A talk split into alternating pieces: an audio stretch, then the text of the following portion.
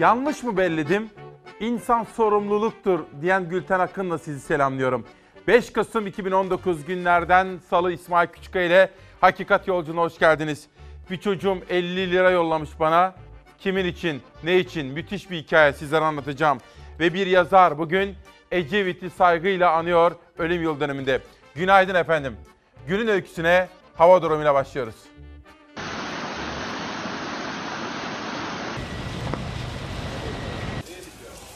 Geçmiş olsun. Kuvvetli sağanak Ege kıyılarına vurdu. Turizm gözdesi Bodrum ve Marmaris'te sağanak su baskınlarına sebep oldu. Bodrum'da kuvvetli yağışla gelen sel korkutan manzaralar oluşturdu. Sadece 15 dakikalık sağanak neden oldu bu görüntüye. Tıkanan mazgallar nedeniyle Kıbrıs Şehitleri Caddesi gürül gürül akan bir dereye dönüştü. Su akıp yolunu bir şekilde bulduktan sonra ise geriye tahribat görüntüleri kaldı.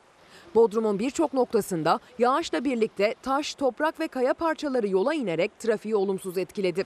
Belediye ekipleri gece boyunca tıkanan mazgalları açmak için çalıştı. Marmaris'te de durum benzerdi. Gece saatlerinde gelen sağanak, sel, heyelan ve su baskınlarına neden oldu. Alınan bilgiye göre Marmaris İçmeler, İçmeler Turunç Karayolu'nda yağmur nedeniyle heyelan yaşandı. 7 balıkçı teknesi yağmur suyu dolmasıyla battı. Beldebi mahallesinde çok sayıda iş yerini su bastı. 2,5 saat boyunca aralıklarla devam eden kuvvetli sağanaklar turizm cenneti Marmaris'i de vurdu. Geçmiş olsun. Bugün öğle saatlerine kadar Ege'de ve Marmara'da yağmur devam edecek. Yağmur sabahın ilk saatlerinden itibaren giderek etkisini azaltacak. Marmara'da da geçiş şeklinde etkili olacak yağmur. En geç öğle saatlerine kadar yağmurun etkisini yitirmesi bekleniyor. Güneş sonrasında kendini göstermeye başlayacak. Yağışla birlikte kuvvetli rüzgarın etkisi de sürecek. Çarşamba günü itibariyle yağmur yaklaşık 5 günlük bir araya giriyor. Bol bol güneş görülecek. Güneş bol görülecek ve görüldüğü ölçüde ısıtacak. Çarşamba gün içinde rüzgar da dinecek. Hafta boyunca karasal iklimin etkili olduğu denizden uzak noktalardaysa gündüzden geceye sıcaklık farkı çok yüksek seyrediyor. Bir anda düşecek termometre değerlerine karşı tedbirli olunmalı. Bugün şöyle bir manşet seçtim efendim. Bak, bak hukuk herkese lazım oluyor dedik. Herkese. Hak, hukuk, adalet diyeceğiz. Her zaman yaptığımız gibi. İsmail Küçükkaya ile Hakikat Yolculuğunda bugün gecenin flash gelişmesi. Nazlı Ilıcak ve Ahmet Altan tahliye edildiler. Olayın bütün sıcaklığı içerisinde gece meydana gelen tahliye ve yansımaları ve ayrıca Mehmet Altan beraat kararı aldı efendim. Ahmet Altan ve Nazlı Ilıcak'a tahliye gecenin en sıcak gelişmesiyle başlıyoruz. Bak hukuk herkese lazım oluyor.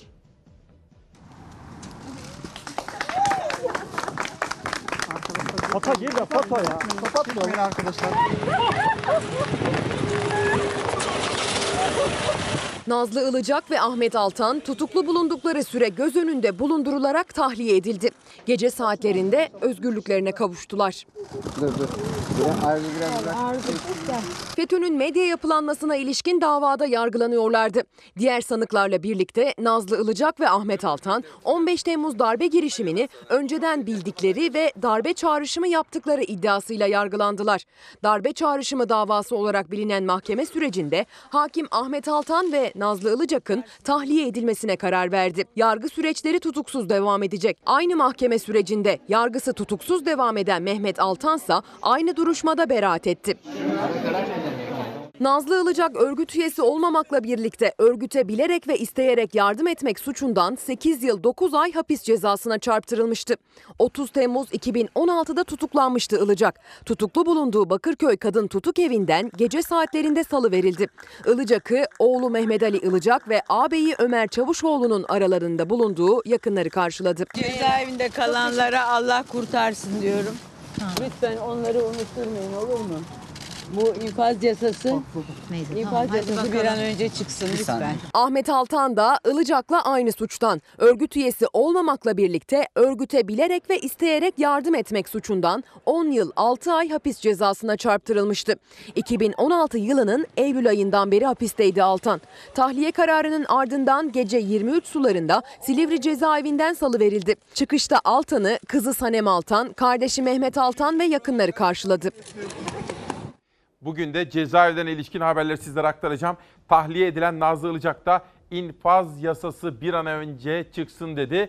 Nitekim Altan kardeşler de peş peşe yaptıkları açıklamalarla cezaevindeki herkesin de bir an evvel özgürlüğüne kavuşmalarına dair dileklerini ifade ettiler. Özgürlüğüne kavuştukları ilk dakikalarda. Bu 50 lirayı bana bir çocuğumuz yollamış. İsmail abi senin kampanyana destek olmak ve Çağdaş Yaşam'ın okuyacak kızlarını bir parça olsun ben de desteklemek istedim diyor. Bunu bana 7. sınıf öğrencisi Ataberk Öktem yollamış. Gönlü zengin güzel kardeşim benim. İlerleyen bölümlerde kendisine bir kere daha teşekkür edeceğim. Bu arada enflasyon rakamları açıklandı. Sizin cüzdanınız, kaynayan tencereniz, mutfağınız, ay sonunu getirip getiremediğiniz kararı siz vereceksiniz veya dükkanlarını açmakta olan esnaf kardeşim kararı verecek efendim. Resmi rakamlara göre bakılırsa her şey güllük gülistanlık. Ama hayatın gerçekleri acaba size neler söylüyor? Bugün Meral Dan Yıldız'ın manşetiyle başlıyorum Bir Gün Gazetesi'nden. Hükümet reklam, halk geçim derdinde. TÜİK'e göre tüketici fiyatları Ekim ayında %2 arttı. Yıllık enflasyon %8.55'e geriledi. Hükümet enflasyonun tek haneli rakamlara inmesiyle övünürken yurttaş boğazından kıstığını söylüyor. Peki neden böyle? Resmi rakamlar neden farklı? Bizim yaşadığımız, hissettiğimiz neden farklı? Bunun de- nedenlerini de biraz sonra ekonomistlerden sizlere haberleri alıp aktarma imkanı bulacağım. Bir manşet daha gelsin bir günden. Ekonomide hayal devri. Ekonomi toparlanıyor tespitinin yapıldığı Cumhurbaşkanlığı yıllık programına göre 2020'de bu toparlanma ivme kazanacak. Saray işsizliğin %11.8'e gerileyeceğini tahmin ediyor diyor. Ekonomik büyüklüklere ilişkin çarpıcı rakamlar. Bir süre önce ABD'nin operasyonuyla ele geçirilen IŞİD, terör örgütü IŞİD'in lideri, terörist elebaşı Bağdadi. Bağdadi'den sonra da Türkiye'de yoğun olarak operasyonlar devam ediyor. Terör örgütü DAEŞ'e, IŞİD'e yönelik. Çok önemli bir haber vereceğim sizlere. Dünya televizyonlarının ve ajanslarının da dikkatini çekecek kadar önemli bir haber. Etkisiz hale getirilen IŞİD'in terörist elebaşı Bağdadi'nin kız kardeşi Türkiye'de polis tarafından yakalandı. Bağdadi'nin kız kardeşinin yakalanması terörle mücadele operasyonlarımızın başarısının bir başka örneği. Türkiye öldürülen terör örgütü elebaşı Bağdadi'nin kardeşini yakalamak için operasyon düzenlediği Rasmiye Avat Suriye'de bir konteynerin içinde yakalandı. Terör örgütü IŞİD'in elebaşı Ebu Bekir Bağdadi Amerika Birleşik Devletleri'nin düzenlediği operasyonla öldürüldü. Terör örgütüne ağır darbe indirildi. Türkiye'de terörle mücadelesine ara vermedi. Gelen bir istihbaratı değerlendirdi güvenlik güçleri. Türk istihbaratı Bağdadi'nin ablası Rasmiye Avad'ı yakalamak için düğmeye bastı. Terör örgütü IŞİD'in öldürülen elebaşı Bağdadi'nin ablası Suriye'nin kuzeyinde Azez'de bir konteynerin içinde yakalandı. 65 yaşındaki Avad'ın yanında kayınvalidesi ve 5 çocuğu olduğu öğrenildi. Cumhurbaşkanlığı İletişim Başkanı Fahrettin Altun operasyon sonrası sosyal medya hesabı üzerinden yaptığı açıklamada Bağdadi'nin kardeşinin yakalanmasının Türkiye'nin terörle mücadeledeki başarısının bir başka örneği olduğunu söyledi. Efendim bu sabah işte böyle dop dolu bir gün ve gündemle uyandık. Diyarbakır'dan Ahmet Bey de uyanmış. Türkiye'mize esenlik diliyor. Bugün rahmetli Ecevit'in Karaoğlan'ın ölüm yıl dönümü. Karaoğlan'ı dürüstlüğüyle tanıdığımız, bildiğimiz Ecevit'i rahmet ve şükranla saygıyla anıyoruz efendim. Hazırlıklarımız var ilerleyen bölümler için. İşte sizlere ifade ettiğim gibi terör örgütü IŞİD'in etkisiz hale getirilen lideri Bağdadi'nin kız kardeşi yakalanınca dünya televizyonları da ajansları da bunu haber olarak veriyorlar efendim. Ölü olarak ele geçirilen IŞİD liderinin kız kardeşi Türkiye'de güvenlik kuvvetleri tarafından ele geçirildiği günün en çarpıcı manşetlerinden bir tanesiydi. Hadi gelin gazete manşetlerine yolculuğumuza devam edelim. Bugün bak hukuk herkese lazım diyoruz. Bir önceki Cumhurbaşkanı Abdullah Gül bu konuda bir seyahatte açıklamalarda bulunmuştu. Ben de o uçaktaydım. Sizlere saat 8'e doğru onu anlatacağım, hatırlatacağım ve hukuk hepimize lazım olacak. İşte bugün bu temayı işleyeceğim. Bir günden bir manşet daha sonra karara geçeceğim. İstanbul'da ıspanak paniği. Ispanak haberi hazır. Size sunabilirim. İster misiniz? Ispanağa dikkat edeceğiz efendim. Ispanağı zaten çok iyi dikkatli yıkamanız gerekiyor biliyorsunuz. Çok çok iyi yıkamanız gerekiyor. Ama şimdi dikkat etmeniz gereken bir husus daha var. Yönetmenimden Serdar'dan rica edeceğim. Ispanak haberini öne alacağız şimdi. İstanbul'da 44, Tekirdağ'da 22 kişi ıspanak yedikten sonra hastanelere kaldırıldı. Resmi kurumlardan yapılan açıklamada zehirlenmeye ıspanaklara karışan yabancı otların bakın ıspanağa benzeyen ama aslında ıspanak olmayan ve son derece tehlikeli yabancı otlar var. Gözler sofraların vazgeçilmesi ıspanak ve benzeri sebzelere çevrilirken uzmanlar yabancı otlara dikkat açıklaması yaptı. Efendim gıda temizliği, gıda güvenliği her şeyden önemli değil midir? Ne yediniz? Ispanak yenmeseler diye e, sabah yoktum. Ispanak yedikten sonra kendini kaybetti. 65 yaşındaki Mine Erakalın. Sadece o değil. İstanbul'da 108, Tekirdağ'da 40 kişi yediği ıspanaktan sonra fenalaşarak hastaneye kaldırıldı. İstanbul Tarım ve Orman Müdürlüğü zehirlenmenin nedeni olarak ıspanağın içine karışan yabancı otları gösterdi ama zehirlenenler o yabancı otun farkına varamadı. Çünkü hem görüntüsü hem de tadı onlara göre birebir ıspanaktı. Nasıldı peki ıspanağın şekli, şemali, Ya Bayağı e, normal e, aldığımız ıspanaklardı da. Temizlerken fark ettiniz Yok fark etmedim. Çünkü hiç hani ot denilecek hiçbir şey yoktu içinde. 4-5 su yıkadım.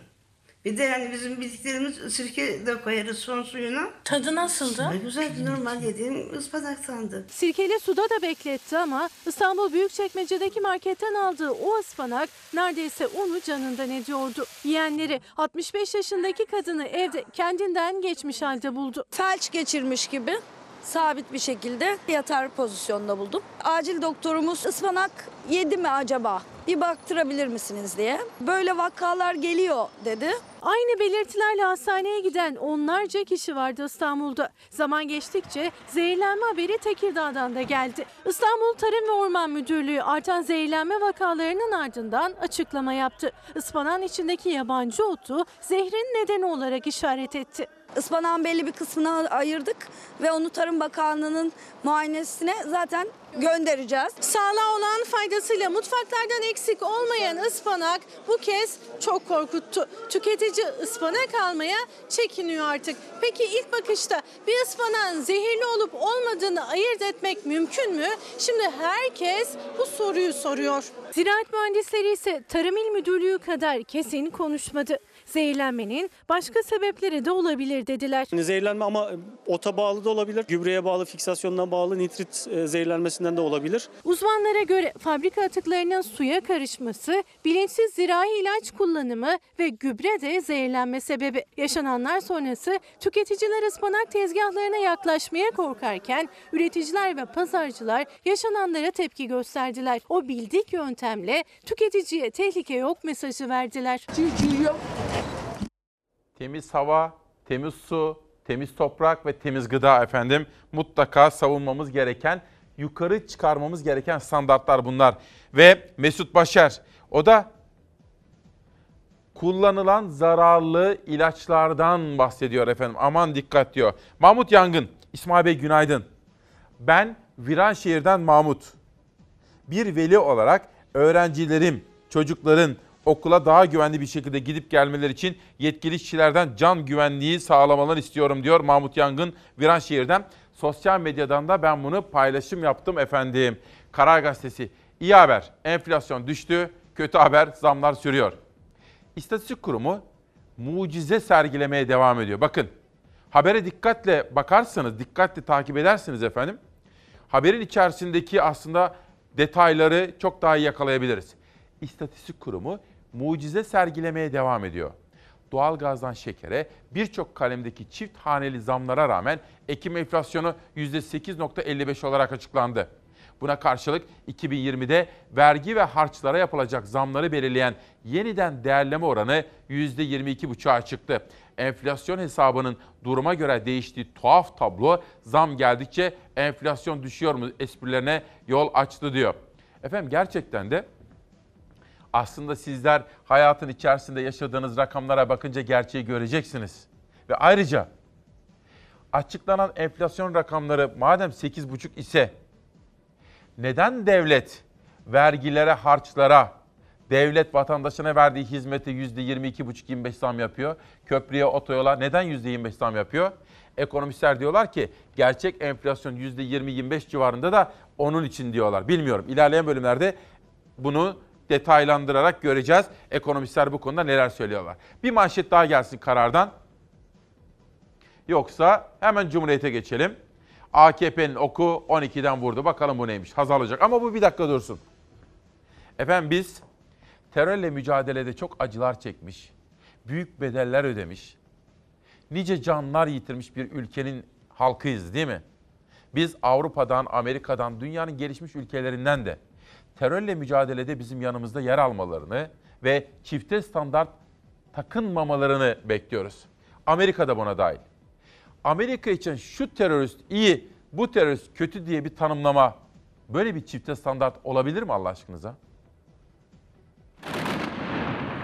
PYG, YPD, DAEŞ bunlar birer terör örgütüdür. Terör örgütleriyle aynı yatağa girenlerin akıbetinin eninde sonunda o zehirli yılan tarafından ısırılmak olacağını bir kez daha hatırlatmak istiyoruz. Cumhurbaşkanlığı Amerika Birleşik Devletleri'nin terör raporuna tepki gösterdiği raporda terör örgütleri YPG, FETÖ'ye değinilmemesi çifte standarttır denildi. Terör örgütleriyle aynı yatağa girenlerin akıbeti bellidir açıklaması geldi. PKK'ya terör örgütü diyor ama onun yan kolları olan PYD, YPG'yi terör örgütü olarak kabul etmiyor. Amerika Birleşik Devletleri Dışişleri Bakanlığı her yıl terörizm raporu açıklıyor. 2018 raporunun Türkiye bölümünde sınır içinde terör örgütü PKK, sınır dışında terör örgütü IŞİD'le Türkiye'nin mücadele ettiği vurgulandı. Ama terör örgütü YPG'nin adı bile anılmadı. Bütün belgeleriyle kendilerine verdiğimiz halde kabul etmiyor.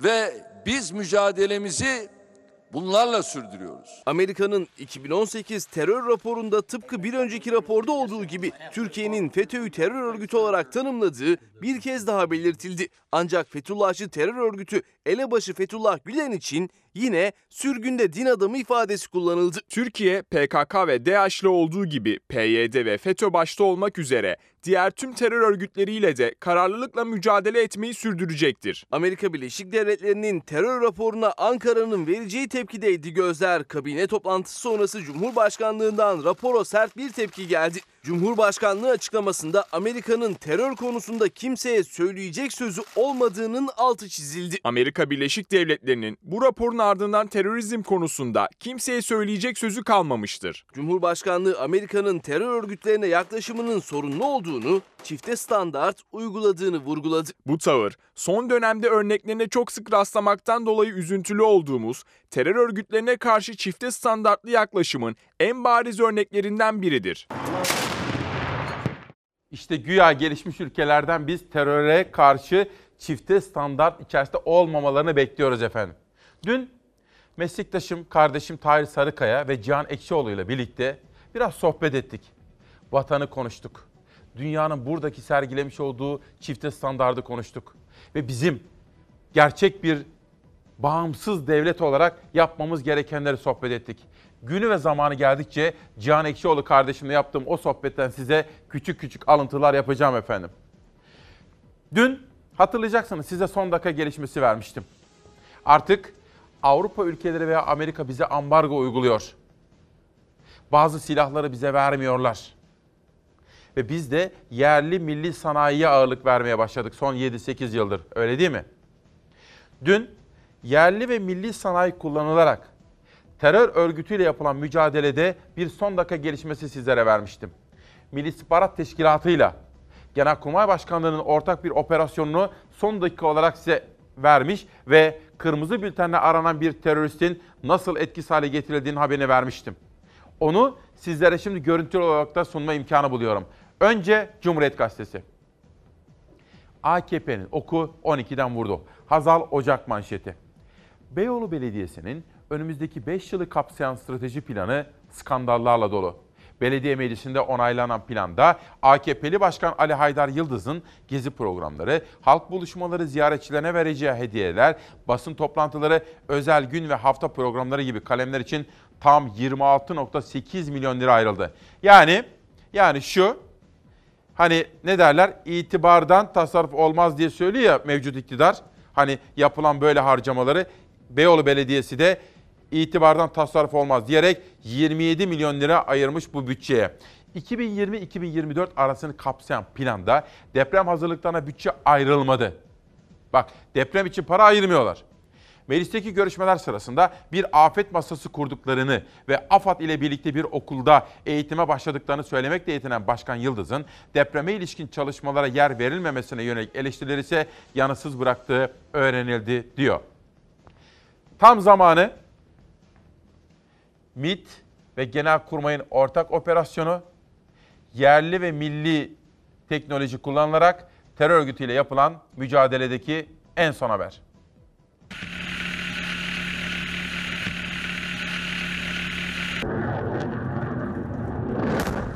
Kırmızı kategoride aranıyordu. Çok sayıda saldırının azmettiricisiydi. PKK terör örgütünün Metina'daki elebaşı işte böyle etkisiz hale getirildi. Türk Silahlı Kuvvetleri ve Milli İstihbarat Teşkilatı Irak'ın kuzeyindeki Metina bölgesinde PKK'lı teröristlerden oluşan 3-4 kişilik bir grup tespit etti. Ortak operasyon düzenlendi. Bir mağara kovuğuna giren teröristler nokta atışıyla vuruldu. Hava harekatıyla etkisiz hale getirilen teröristlerden Müslüh İke'nin ismi İçişleri Bakanlığı'nın terörden arananlar listesinde kırmızı kategoride yer alıyordu. 4 milyon lira ödülle aranan Müslüh İke, PKK terör örgütünün Metina'daki sözde alan sorumlusuydu. Şemdinli ve Çukurca'da düzenlenen çok sayıda saldırının emrini de o vermişti. Terör örgütü PKK'ya yönelik yurt içinde de operasyonlar sürüyor.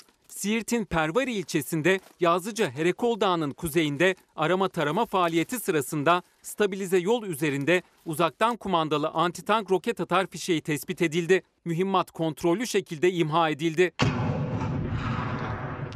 İçişleri Bakanlığı Ekim ayında 3'ü kırmızı, 3'ü turuncu, 3'ü de gri kategoride olmak üzere toplam 175 teröristin etkisiz hale getirildiğini açıkladı.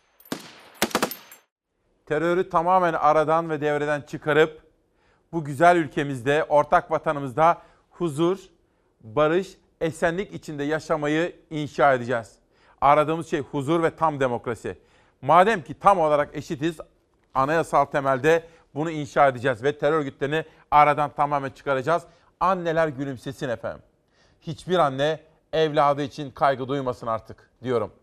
5 Kasım'da Nazlı Ilıcak ve Altan kardeşlerin tahliye edilmesine ilişkin haber.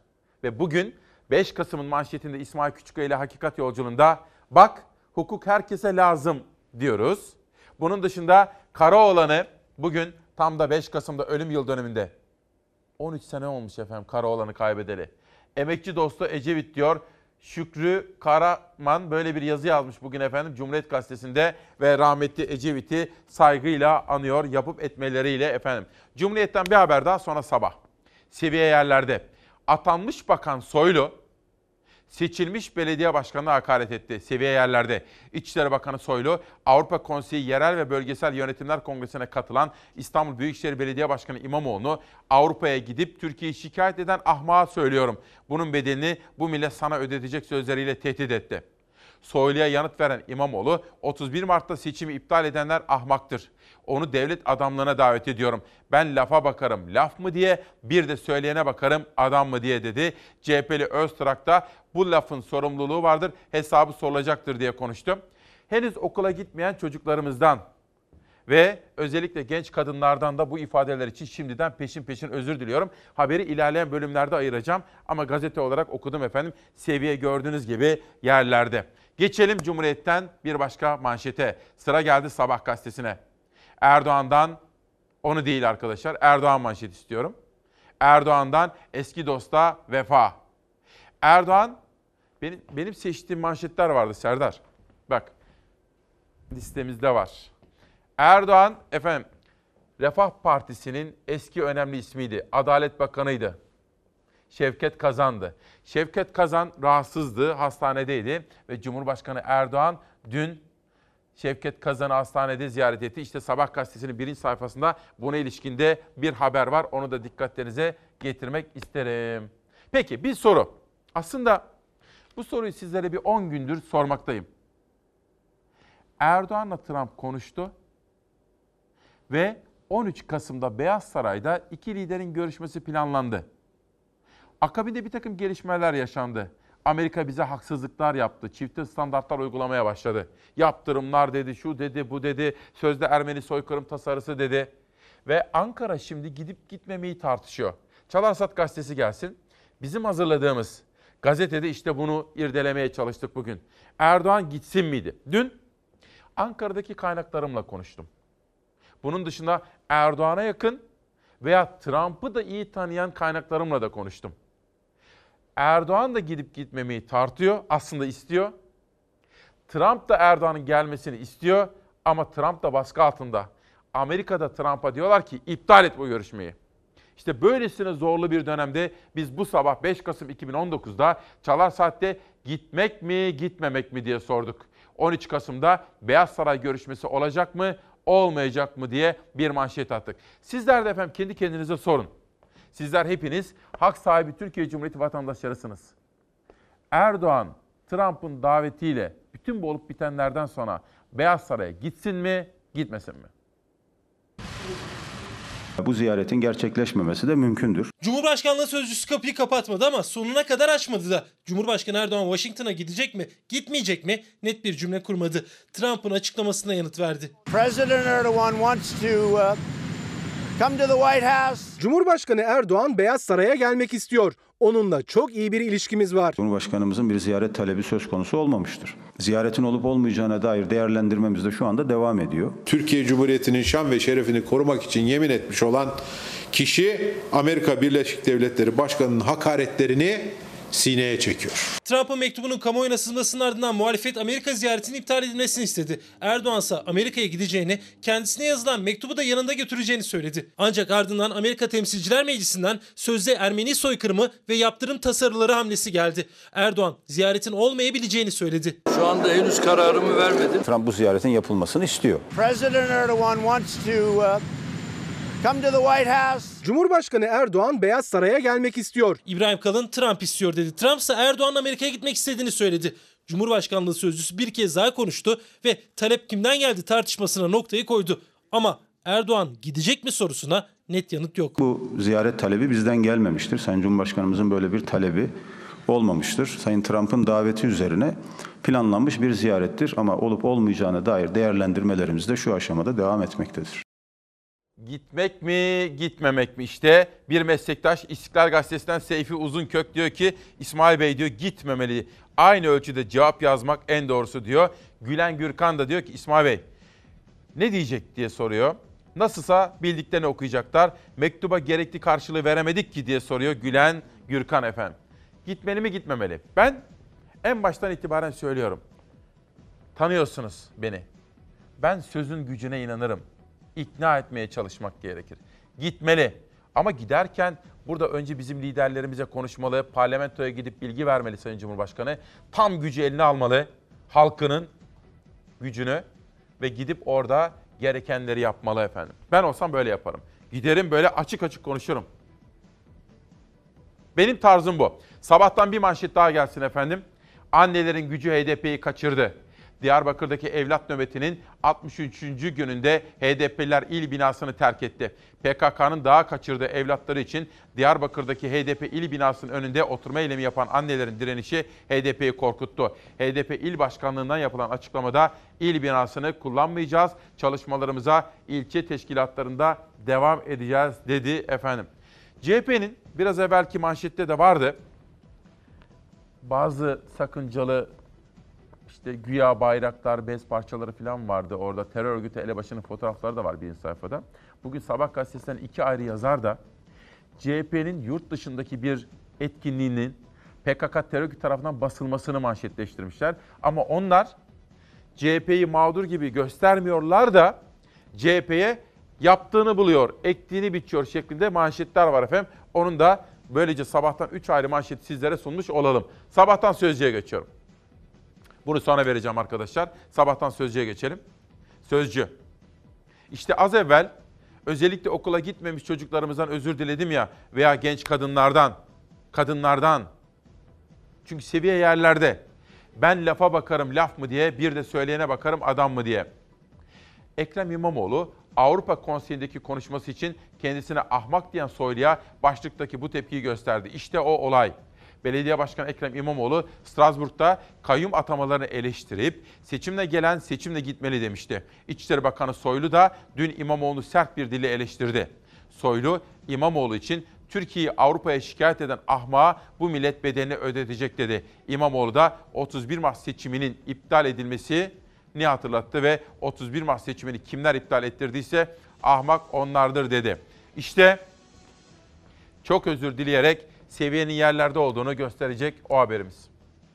Avrupa Parlamentosu'na gidip Türkiye'yi şikayet eden ahmağa söylüyorum. Yazıklar olsun. Ben lafa bakarım laf mı diye bir de söylene bakarım adama bakarım adam mı diye. Bunun bedelini bu millet sana ödetecek. Bu iş o kadar bedava değil. Seviyesine inmeyeceğim. Yine ben ona devlet adamlığı yapmaya davet ediyorum ama yeter bıktım artık davet ede ede o da bir karşılık bulmadı. İçişleri Bakanı Süleyman Soylu ile Ekrem İmamoğlu arasında ikinci kayyum tartışması. Bakan Soylu daha önce pejmurde ederiz demişti. Bu kez millet bedelini ödetir dedi. Ekrem İmamoğlu da bakana aynı üslupla yanıt verdi. Ahmağa söylüyorum. 31 Mart'ta seçimi iptal edenler ahmaktır. Ekrem İmamoğlu geçtiğimiz hafta Fransa'daydı. Avrupa Konseyi Yerel ve Bölgesel Yönetimler Kongresi'ne katıldı. Bugün Türkiye elbette ki güneyinde teröre karşı tedbir almak zorundadır. İmamoğlu, Barış Pınar Harekatı'nı eleştiren Avrupa'ya Türkiye'nin haklılığını anlattı. Ama kayyumlardan söz ederken de iktidar hedef aldı. Bu sözleri Ankara'da yankılandı. Seçimle gelenin seçimle gitmediği yerde ne demokrasi olur ne de hukukun üstünlüğü kalır.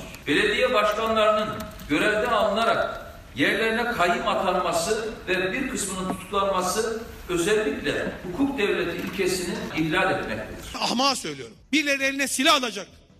9 aylık çocuklarımızı şehit edecek. Bunu o belediyenin belediye başkanları yapacak. Sen de Avrupa Birliği parlamentosuna gideceksin. Türkiye'yi şikayet edeceksin. İçişleri Bakanı daha önce Diyarbakır'da yerine kayyum atanan belediye başkanlarını ziyaret eden Ekrem İmamoğlu'nu pejmurde yani perişan edeceğini söylemişti. İmamoğlu'nun Avrupa Konseyi'ndeki sözlerine karşı eleştirilerini bir adım öteye taşıdı. İmamoğlu da sessiz kalmadı. Bu milletin sana verdiğine, ödediğine, kursandan geçenlere tamamen yazıklar olsun. Benim milliyetçiliğimi, benim milli duygularımı eleştirecek, seviyelendirecek makamını bir kenara koyuyorum. Ee, öyle bir Allah'ın kulu yok. Bu milletin sana okuttuğu okula yazıklar olsun. Bu milletin sana verdiği emeğe yazıklar olsun. Bunun bedelini bu millet sana ödetecek. Süleyman Soylu kendini bilecek. Bu lafın sorumluluğu vardır. O sorumluluğun hesabı da sorulacaktır. CHP sözcüsü de tepki gösterdi bakana. Soylu ve ana muhalefet arasındaki kayyum gerginliği yeniden tırmandı. Şimdi bakan tabii yani üslubunu beğenmiyorum. Zaten tarzı iyi bir tarz değil bence. Ama dün bizim muhabirimiz kendisine terör örgütü FETÖ ile ilgili bir soru soruyor. Yine inceden bize laf geçirmeye çalışıyor. Efendim yani aslında biraz tarzını, üslubunu, kelimelerini de özenle seçerse herhalde yönetmeye çalıştığı İçişleri Bakanlığı hakkında çok daha isabetli bir pozisyon almış olur diye tahmin ediyorum efendim. Murat Gezici bir konuda dikkatimi çekiyor. İsmail Bey çok önemli diyor. Araştırmacı Murat Gezici. Macaristan Dışişleri Bakanı Peter Sijarto, Alman meslektaşı ile gerçekleştirdiği basın toplantısında lütfen Türkiye hakkında konuşurken Türkiye'nin bir NATO üyesi olduğunu unutmayın diyor. Bakın Türkiye'nin NATO'nun ayrılmaz bir parçası olduğunu NATO Genel Sekreteri Stoltenberg'in dışında bilen ve gören Avrupa'daki akil adamlar da var efendim. Şamil Tayyar. Şimdi de bir başka önemli tartışmaya değinmek istiyorum sizlerle birlikte. Bülent Arınç'ın ortaya attığı bir tartışma. Bu arada efendim bir dakika yeni uyananlar olabilir. 7.15'te sizlere günaydın derken Altan kardeşlerin ve Nazlı Ilıcan tahliye edildiğine, Mehmet Altan'ın da beraat kararı aldığına dair haberi hatırlatmak istiyorum. Bugünkü manşetimiz şu. Bak hukuk herkese lazım. İsmail Küçükkaya ile 5 Kasım'ın manşeti işte böyle. Şamil Tayyar bir Gaziantep'li. Bu arada bugün Gaziantep'ten bir konumuz var efendim. İlerleyen bölümlerde sizlerle buluşacak demokrasi meydanında. FETÖ'yü aklama çabasına giren Arınç bu kez külliyeye çarptı. Cumhurbaşkanlığı Sözcüsü İbrahim Kalın, Bakanlar Kurulu toplantısından sonra Arınç'a 15 Temmuz'u gölgeleme diyerek tepki gösterdi. Ancak şunu da söyleyelim. Bülent Arınç'ın bu önemli konuşmayı yaptığı ve gündemi belirlediği dönemde Arınç konuştu. Hemen akabinde de tahliyeler geldi. Bu aslında akıllara bazı soru işaretlerini getirebilir diyor ve sonraki manşete geçiyorum. Kozmik Oda ile ilgili bana yöneltilen suçlamaları, hain terör örgütü FETÖ'nün siyasi ayağı iddialarını ve siyasi konularla ilgili tüm soruları gazeteci Kemal Öztürk'ün YouTube kanalında cevapladım. Kemal Öztürk, Bülent Arınç'ın en yakındaki isimdir. Uzun yıllar Bülent Arınç'ın danışmanlığını yapmıştır. Hatta bir dönem Başbakanlığı günlerinde Recep Tayyip Erdoğan'ın da basın danışmanlığı görevinde bulunmuştur. Anadolu Ajansı'nın genel müdürlüğünü yapmıştır bu iktidar döneminde. Sonradan Yeni Şafak gazetesindeydi fakat aykırı yazılar yazmaya başlayınca Albayrak grubuyla yolları da ayrılmış oldu. Günün en sıcak siyasi polemiğiyle haber yolculuğumuza devam ediyoruz. Kozmik odayı siz mi açtınız? Hayır. Bu külliyen yalandır ve katmerli bir iftiradır. Mahkeme kararını verdi. Şu kadar bir dos karar. İçinde benimle ilgili bir tek şey yok. Şimdi Allah'tan korksunlar. O mahkeme kararını alsınlar. Yani hakim ve savcılarla ilgili karar verildi. Öbür polislerle vesairelerle ilgili karar verildi mi bilmiyorum. Onların davası Sincan'da görünüyordu. Hiçbirisinde Bülent Arınç bize şöyle talimat verdi. Bülent Arınç bizim kozmik odaya girmemizi temin etti. Bülent Arınç yoluyla biz şunu yaptık, bunu yaptık diye bir tek ifade bulurlarsa ben her şeyi kabul edeceğim.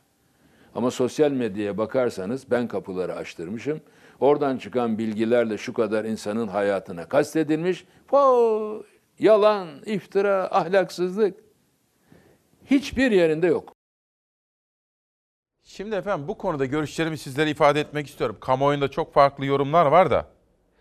Bakın benim Bülent Tanış'la siyaset yani hayata bakış açım çok farklı, çok farklı. Ama onun ben dürüst birisi olduğuna inanıyorum. Hataları var mı? Çok oldu. FETÖ zamanında hataları çok oldu. Özellikle bu kozmik odada o ne kadar aksini söylese de. Ama şunu söyleyeyim. Bütün bunları yaparken aslında doğruyu söylüyor. Bence bir parça öz eleştiri yapıyor. Kendisi adına, içinde bulunduğu hareket, davası, partisi adına öz eleştiri de yapıyor. Bence başkalarının yaptığı gibi sen FETÖ'cüsün eleştirenlere sen de FETÖ'cüsün. FETÖ'nün taktiği ile güya FETÖ'yle mücadele edenlerden biri gibi davranmıyor bence bakın. Şimdi tabii Bülent Arınç'ı vur abalaya yapanlar var onu da görüyorum. Ama söyleyeyim. Keşke Bülent Arınç'ın şimdi yaptığı gibi samimiyetle gerçek durum budur. Biz bunu yaşadık. Ha hatamız var mı? Var. Yani bunu herkesten beklememiz gerekiyor. Bir tek Bülent Arınç konuştu diye Bülent Arınç'ın kafasına kafasına vurmaya çalışıyorlar. Bu kolaycılık. Muhalefet yapma bakımından da kolaycılık. Bülent Arınç'ın yaptığını doğru kabul ediyorum. Şimdi yaptığını. FETÖ ile mücadele etme konusunda hukuk ha, ama şunu yapmamız gerekiyor. Hukuk diyerek bir, herkesi sen FETÖ'cüsün diye karalamaktan, iktidara eleştiren herkesi yaftalamaktan vazgeçmemiz. İki, FETÖ ile mücadeleyi FETÖ taktikleriyle yapmamamız. Ve üç, çifte standart değil, hukukun üstünlüğüne saygı göstererek FETÖ ile mücadele etmemiz gerekiyor. Ben tekrar etmek istiyorum. Samimi buluyorum yapmış olduğu öz eleştiriyi. FETÖ ile mücadele etmek için de çerçevenin doğru olacağına inanıyorum efendim. Gerçekten 15 Temmuz hain FETÖ kalkışmasında kimin parmağı var onlar cezalarını çeksinler. Ve çifte standart uygulanmasın. Parası olan dışarıya çıkamasın. O değil. Hukuk diyelim hukuk. Ama herkes o tarihteki herkes şimdi Bülent Arınç'ın yaptığı gibi samimi bir şekilde öz eleştiri yapsa biz geçmişte bunu bunu bunu yaptık ama dese bence çok daha etkili olur diyor ve bu noktayı kapatıyorum efendim. Şimdi geçelim soylu meselesine. Avrupa Parlamentosu'na gidip bakın bir kere burada koskoca İçişleri Bakanı doğru bir bilgi vermiyor efendim maalesef. Eksik bilgilendirme. Duygularıyla hareket etmiş. Üstü bu da yanlış. Gittiği yer Avrupa Parlamentosu değil. Maddi hata var. Avrupa Parlamentosu'na gidip Türkiye'yi şikayet eden ahmağa söylüyorum. Bakın bir kere bu kelimeler yakışıyor mu hiç Allah aşkınıza? Bunun bedelini bu millet sana ödetecek. Bu iş o kadar bedava değil. Sana yazıklar olsun. Fransa'da Türkiye'yi şikayet eden Ekrem İmamoğlu'na İçişleri Bakanı Süleyman Soylu çok sert tepki gösterdi diyor. Star gazetesinin manşeti. Devam edelim. Star'dan Bir Gün gazetesine geliyorum. İmamoğlu'ndan kendisine ahmak diyen İçişleri Bakanı Soylu'ya sert yanıt. Ben lafa bakarım laf mı diye bir de söyleyene bakarım adam mı diye. Esas 31 Mart'ta seçimi iptal edenler ahmaktır. Ekrem İmamoğlu da özel sohbetlerinde de söylüyor. Süleyman Soylu'nun da 31 Mart seçimlerini iptal ettiren isimlerden olduğunu söylüyor efendim. Yani aslında bakın tartışma ne kadar da kötü kelimelerle devam ediyor. Bu üst düzey siyasilere yakışıyor mu hiç? Diyelim bir devam edelim. Heh, bir dakika. Burası önemli. Yıllar yılı Avrupa'da, Avrupa'nın başkentinde, Brüksel'de, Strasbourg'da gazetecilik yapan bir arkadaş en doğrusunu söylüyor. Adı Zeynel Lüle. İstanbul Belediye Başkanı İmamoğlu'nun konuşma yaptığı yer Avrupa Parlamentosu değil. Avrupa Yerel ve Bölgesel Yönetimler Kongresi. Yani Türkiye'nin de üyesi olduğu kurum. Cehalet mi diyeyim, maksatlı mı diyeyim bilemedim. Buraya şikayet olmaz. Türkiye burada ailenin bir ferdi. Bakın bu maddi bir bilgi. Bir bilgi daha vereceğim.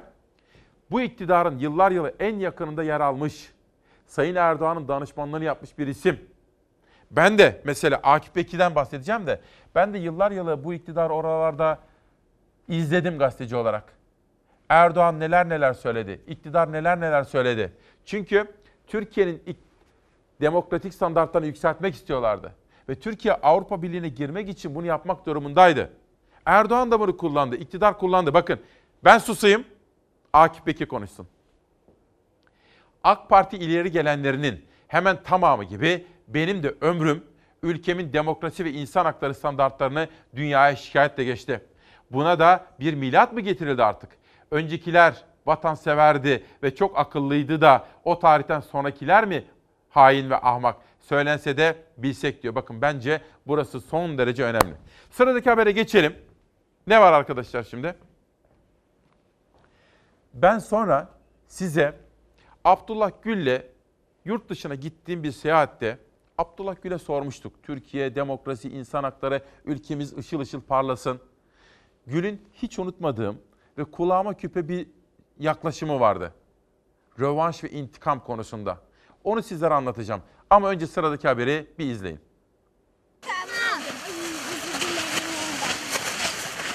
Bize yol yapsınlar, onu istiyoruz. Yani okula hem daha çabuk gidelim hem de ayaklarımız çamur olmasın. Anneleri her sabah onları ayaklarına poşet bağlayıp öyle gönderiyor okula. Ama dönüşlerini de yürekleri ağızlarında bekliyor. Okula geç kalmak istemeyen çocuklar yol kısalsın diye tarlalardan çamurun içinden geçmek zorunda kalıyor. Yağmur yağıyor üstümüz hep çamur oluyor. Hocalar sınıfa girmemize izin vermiyor. Ayakkabılarımız çamur oluyor. Yolumuz burada gördüğünüz gibi başka yolumuz da yok.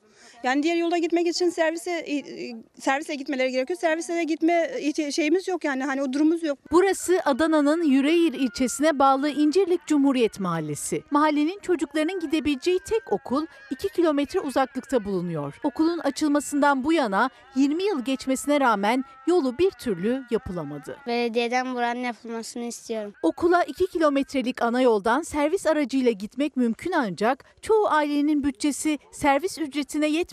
Çocuklar mecburen 1600 metre daha kısa olan tarla yolunu kullanıyor. Başlarına her an ne gelecek diye korkusuyla akşama kadar bekliyorum çocuklarımı. Ama yol toprak yol. Okula gidene kadar üst baş çamur içinde kalıyor. Bazı veliler çareyi çocuklarının ayağına poşet bağlamakta bulmuş. Hadi düşecek olma. Poşetlerimiz de parayla. Hani tanesi 25 kuruş para olmuş. Ee, her gün e, 4 tane poşet gerçekten baya bir maliyeti de oluyor bu şekilde. Okumayı seviyor musun peki? Evet. Ne olmak istiyorsun büyüyünce? Pilot. Onların büyüklerinden tek istedikleri okulları için daha güvenli ve daha kısa bir yol yapılması. Abi bu yol daha kısa hem daha çabuk gidiliyor. Bir de giderken sabah ayaklarımız çamur oluyor. Gidiyoruz sınıfa giriyoruz. Hoca bize kızıyor. O yoldan gittik mi de geç kalıyoruz. Okulu seviyor musun? Çok seviyorum. Ne olmak istiyorsun büyüyünce? Öğretmen olmak istiyorum. 5 Kasım'ın hava durumu.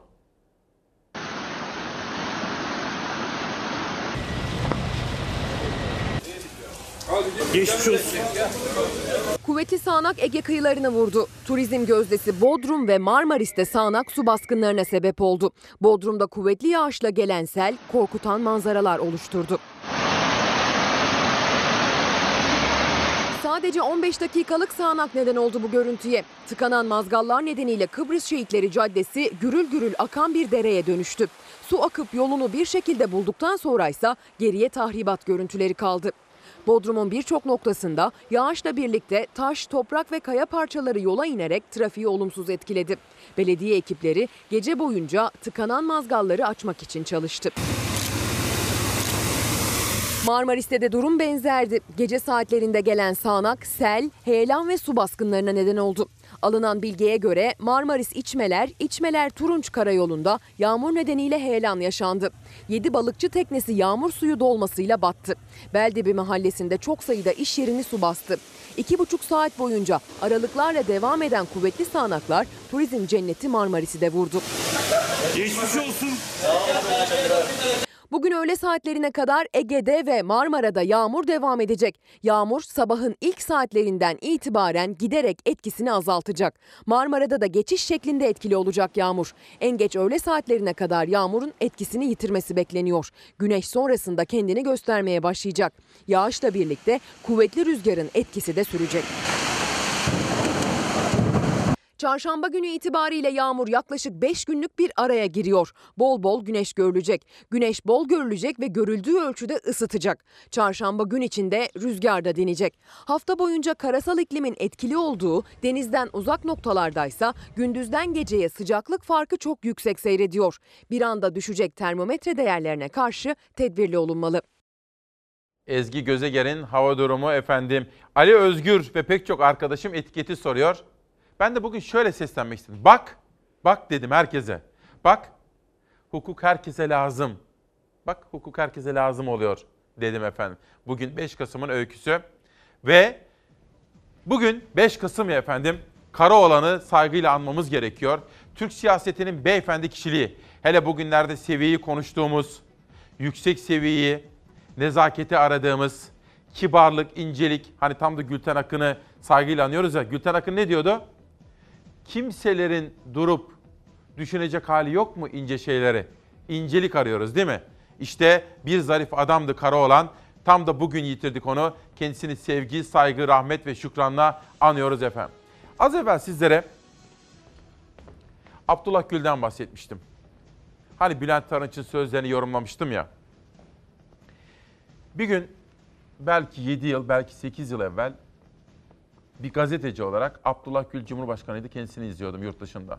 Dönüşte bu konuları konuştuk. Hukuk, adalet, Ergenekon vesaire. Kaygılıydık bizler. Gül şunu söyledi. Zihniyeti değiştirmemiz gerekiyor. Rövanş ve intikama dayalı yaklaşımdan kimseye fayda gelmez. Toplumu kemiriyor dedi. Ne demek istiyorsunuz dedik. Bir dönem dedi 28 Şubat oluyor zulüm. O bitiyor. O dönem bir önceki dönemden intikam alıyor.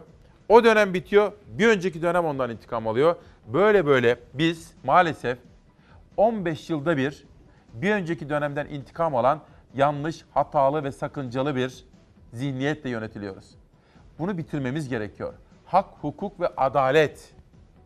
Her şey bu temelde olmalı demişti Gül. Bunu hiç unutmuyorum.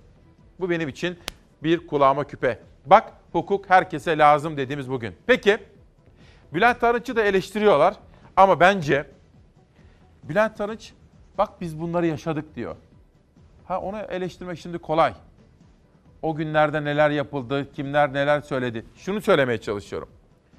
Bugün iktidar sahipleri çıksınlar, Arınç'ın yaptığı gibi samimiyetle öz eleştirisinde yapsınlar. Bunu yaptıktan sonra da Adalet Bakanlığı tamamen hukuk dairesinde kalarak çifte standartları önleyerek FETÖ'nün taktiklerini, tekniklerini hiç kullanmayarak FETÖ ile etkili mücadeleyi yapsınlar. Ancak böyle yapabiliriz. Siyasette bu darbe girişimine ön ayak olmuş ben tanımıyorum. Siyasi ayağa bakmak, bulmak istiyorsa Bülent Arınç önce aynaya bakacak, sonra çevresine bakacak. Aynada kimleri görüyorsa FETÖ'nün siyasi ayağının onlar olduğunu bilecek. FETÖ'nün siyasi ayağı tartışması Bülent Arınç'ın açıklamalarıyla yeniden alevlendi. KHK ile ilgili sözlerine ise AK Parti'den yeni tepki Mehmet Metiner'den yükseldi. Evime temizlik yapmaya gelen daire başkanlığından ihraç edilmiş bir kadını gördükçe ben yerin dibine geçiyorum. 15 Temmuz gecesi neredeydin? Ne yaptın? Mehmet Metiner'in 15 Temmuz vurgulu mesajı dikkat çekti. Daha önce de AK Partili Şamil Tayyar savcıları göreve çağırmıştı. Arınç yanıt verdi. Ne hazindir ki savcıları göreve çağıranların geçmiş yıllarda FETÖ övgüleri halen elden ele dolaşmaktadır. KHK'lar 15 Temmuz darbe girişiminden sonra bir tercih değil bir zorunluluk haline gelmiş bir uygulamadır. Bülent Bey'in açıklamaları kendi şahsi görüşleridir. Yüksek İstişare Kurulu adına yapılmış bir açıklama değildir. Cumhurbaşkanlığı Sözcüsü İbrahim Kalın, Cumhurbaşkanlığı Yüksek İstişare Kurulu üyesi Bülent Arınç'ın sözleri için kişisel görüşü demekle yetindi. Arınç'ın gazeteci Kemal Öztürk'e verdiği röportajın 3. bölümünde ise FETÖ'nün siyasi ayağıyla ilgili sözleri büyük ses getirdi. 15 Temmuz'u fiilen gerçekleştirmiş bu hain darbe girişiminin beyin takımında, icra edicileri içerisinde, dolaylı destekçileri içerisinde bir siyasetçinin olduğunu ben düşünmüyorum. Siyasi ayaktan kasıt buysa. Yüz sürenler, ele tek öpenler, ağlayanlar, sızlayanlar, para verenler onlar varken siyasi ayağını başka yerde aramak mümkün mü? Tabii ki değil. Peki FETÖ'cü olmak için ne yapmak lazım? AK Partili olmamak mı gerekiyor? İç içe çalıştılar yıllarca. Ya Allah bizi affetsin dedi genel başkanları. Demek ki bir suç işlediniz de Allah sizi affedecek. Muhalefet eski defterleri açtı. Arınç ise kendisinden de örnek vererek sempati duyanlar ve darbeye destek verenler ayrı dedi. Sempati düzeyinde bunlarla birlikte olmuş. Bunları övmüş, methetmiş. Bunlardan birisi de benim. Açık konuşayım. Türkçe olimpiyatlarına gittim, gözyaşı dökmüş bir insanım. Demek geçmişte sempati duyanlar siyasetçi ise bunların vebali yok. Vatandaşsa bunların günahı çok. Bu sıralamayla giderseniz o zaman ta Pensilvanya'ya gidip fotoğraf çektiren milletvekillerini de bunun içine koymanız lazım. Kimisi başını örtmüş, kimisi plaket veriyor. Bana sorarsanız hayır onlar da FETÖ'cü değil. Çünkü o zamanlar bu adamı ziyaret etmek bir prestij meselesiymiş. Herkes gitmiş. Nasıl oluyormuş da sadece prestij meselesiymiş oraya gitmek? Oradan edinilen rant var, koltuklar var. Arınç AK Partili vekillerin Pensilvanya ziyaretini prestij amaçlı diyerek savundu. Dün FETÖ liderine yakın olanlar bugün en ağır hakaretleri ediyor cümlesine dikkat çekti. Bazı milletvekili arkadaşlarımız bunlarla gece gündüz beraberdiler. FETÖ'cü olmak anlamında değil. Dershanelerine yardım ettiler, okullarına yardım ettiler, başarılı öğrencilere araba verdiler, onu yaptılar, bunu yaptılar. Hayda 17 Temmuz'da bir baktım vay papaz, vay ahlaksız, vay hayvan, vay köpek. Kime söylüyor bunu? Dünyanın da olduğu adama söylüyor. Bunu ben yapamam. Bana bir katrilyon para verseniz ben bunu yapamam. Yine topa girmişsiniz. İktidar ve muhalefet Bülent Arınç'ın sözlerini konuşurken İçişleri Bakanı Süleyman Soylu soru soran gazeteciye tepki gösterdi. FETÖ ile ilgili tartışmada topa girmemeyi tercih etti. Bakın FETÖ'nün taktikleriyle, teknikleriyle FETÖ ile mücadele edilemez. Yani FETÖ bunu yapıyordu. Kumpaslar kuruyordu. Yasa dışı olarak şunlar bunlar. Ve herkesi eleştiriyordu. Şöyle diyorlardı. İktidarı eleştiren mi var? Sen FETÖ'cüsün. Şimdi. Geçmişte de FETÖ bunu yapıyordu. Toptancılık. Hayır. FETÖ ile etkili mücadele nasıl olur? Hukuk dairesinde kalarak olur efendim. Çifte standart uygulamayarak. FETÖ'nün gerçek elebaşlarının peşine düşerek. Adil Öksüz ne oldu? Gerçek elebaşları çoktan yurt dışına kaçtı efendim. Onu da altını çizerek söyleyelim. Ben Bülent Arınç'ın samimi bir şekilde öz eleştiri yaptığını düşünüyorum burada. Ve bunun etkili olduğunu düşünüyorum. Burada Ayşe kardeşim bana diyor ki bu çağdaş yaşam için koştuk ya. Bakın efendim bu 50 lira o kadar değerli ki dün gönül zenginliğinden bahsetmiştim. Bir çocuğumuz Ataberk Öktem. Ben Bafra bakın ben Bafra Gençlik Koleji 7A öğrencisiyim desteklemiş olduğunuz Çağdaş Yaşamı Destekleme Derneği'nin kız çocuklar için düzenlemiş olduğu Haydi Siz de İyilik Peşinde Koş adlı projeye kendi adıma bağış yapmak üzere bu mektubu yolladım diyor. İçinde çocuğumuzun fotoğrafları da var efendim. O kadar değerli bir şey ki. Bu arada sosyal sorumluluk yani sizlerden duyarlılık istiyoruz. Bakın Kızılay'ı da unutmayın. Dün Büyükelçi Hasan Doğan da Kızılay Kan Haftası Kızılay Haftası'nda kan verelim, hayat kurtaralım demiş. Cumhurbaşkanı Erdoğan'ın özel kalem müdürü de böyle bir paylaşım yapmış. Kan verdiniz mi efendim? En son ne zaman kan verdiniz? Lütfen. Ülkesini seven bütün duyarlı yurttaşların sosyal projelere destek vermesi gerekiyor diyor ve sıradaki gazete için sözcüye geçiyorum. Ey IMF geldiysen masaya 3 defa vur.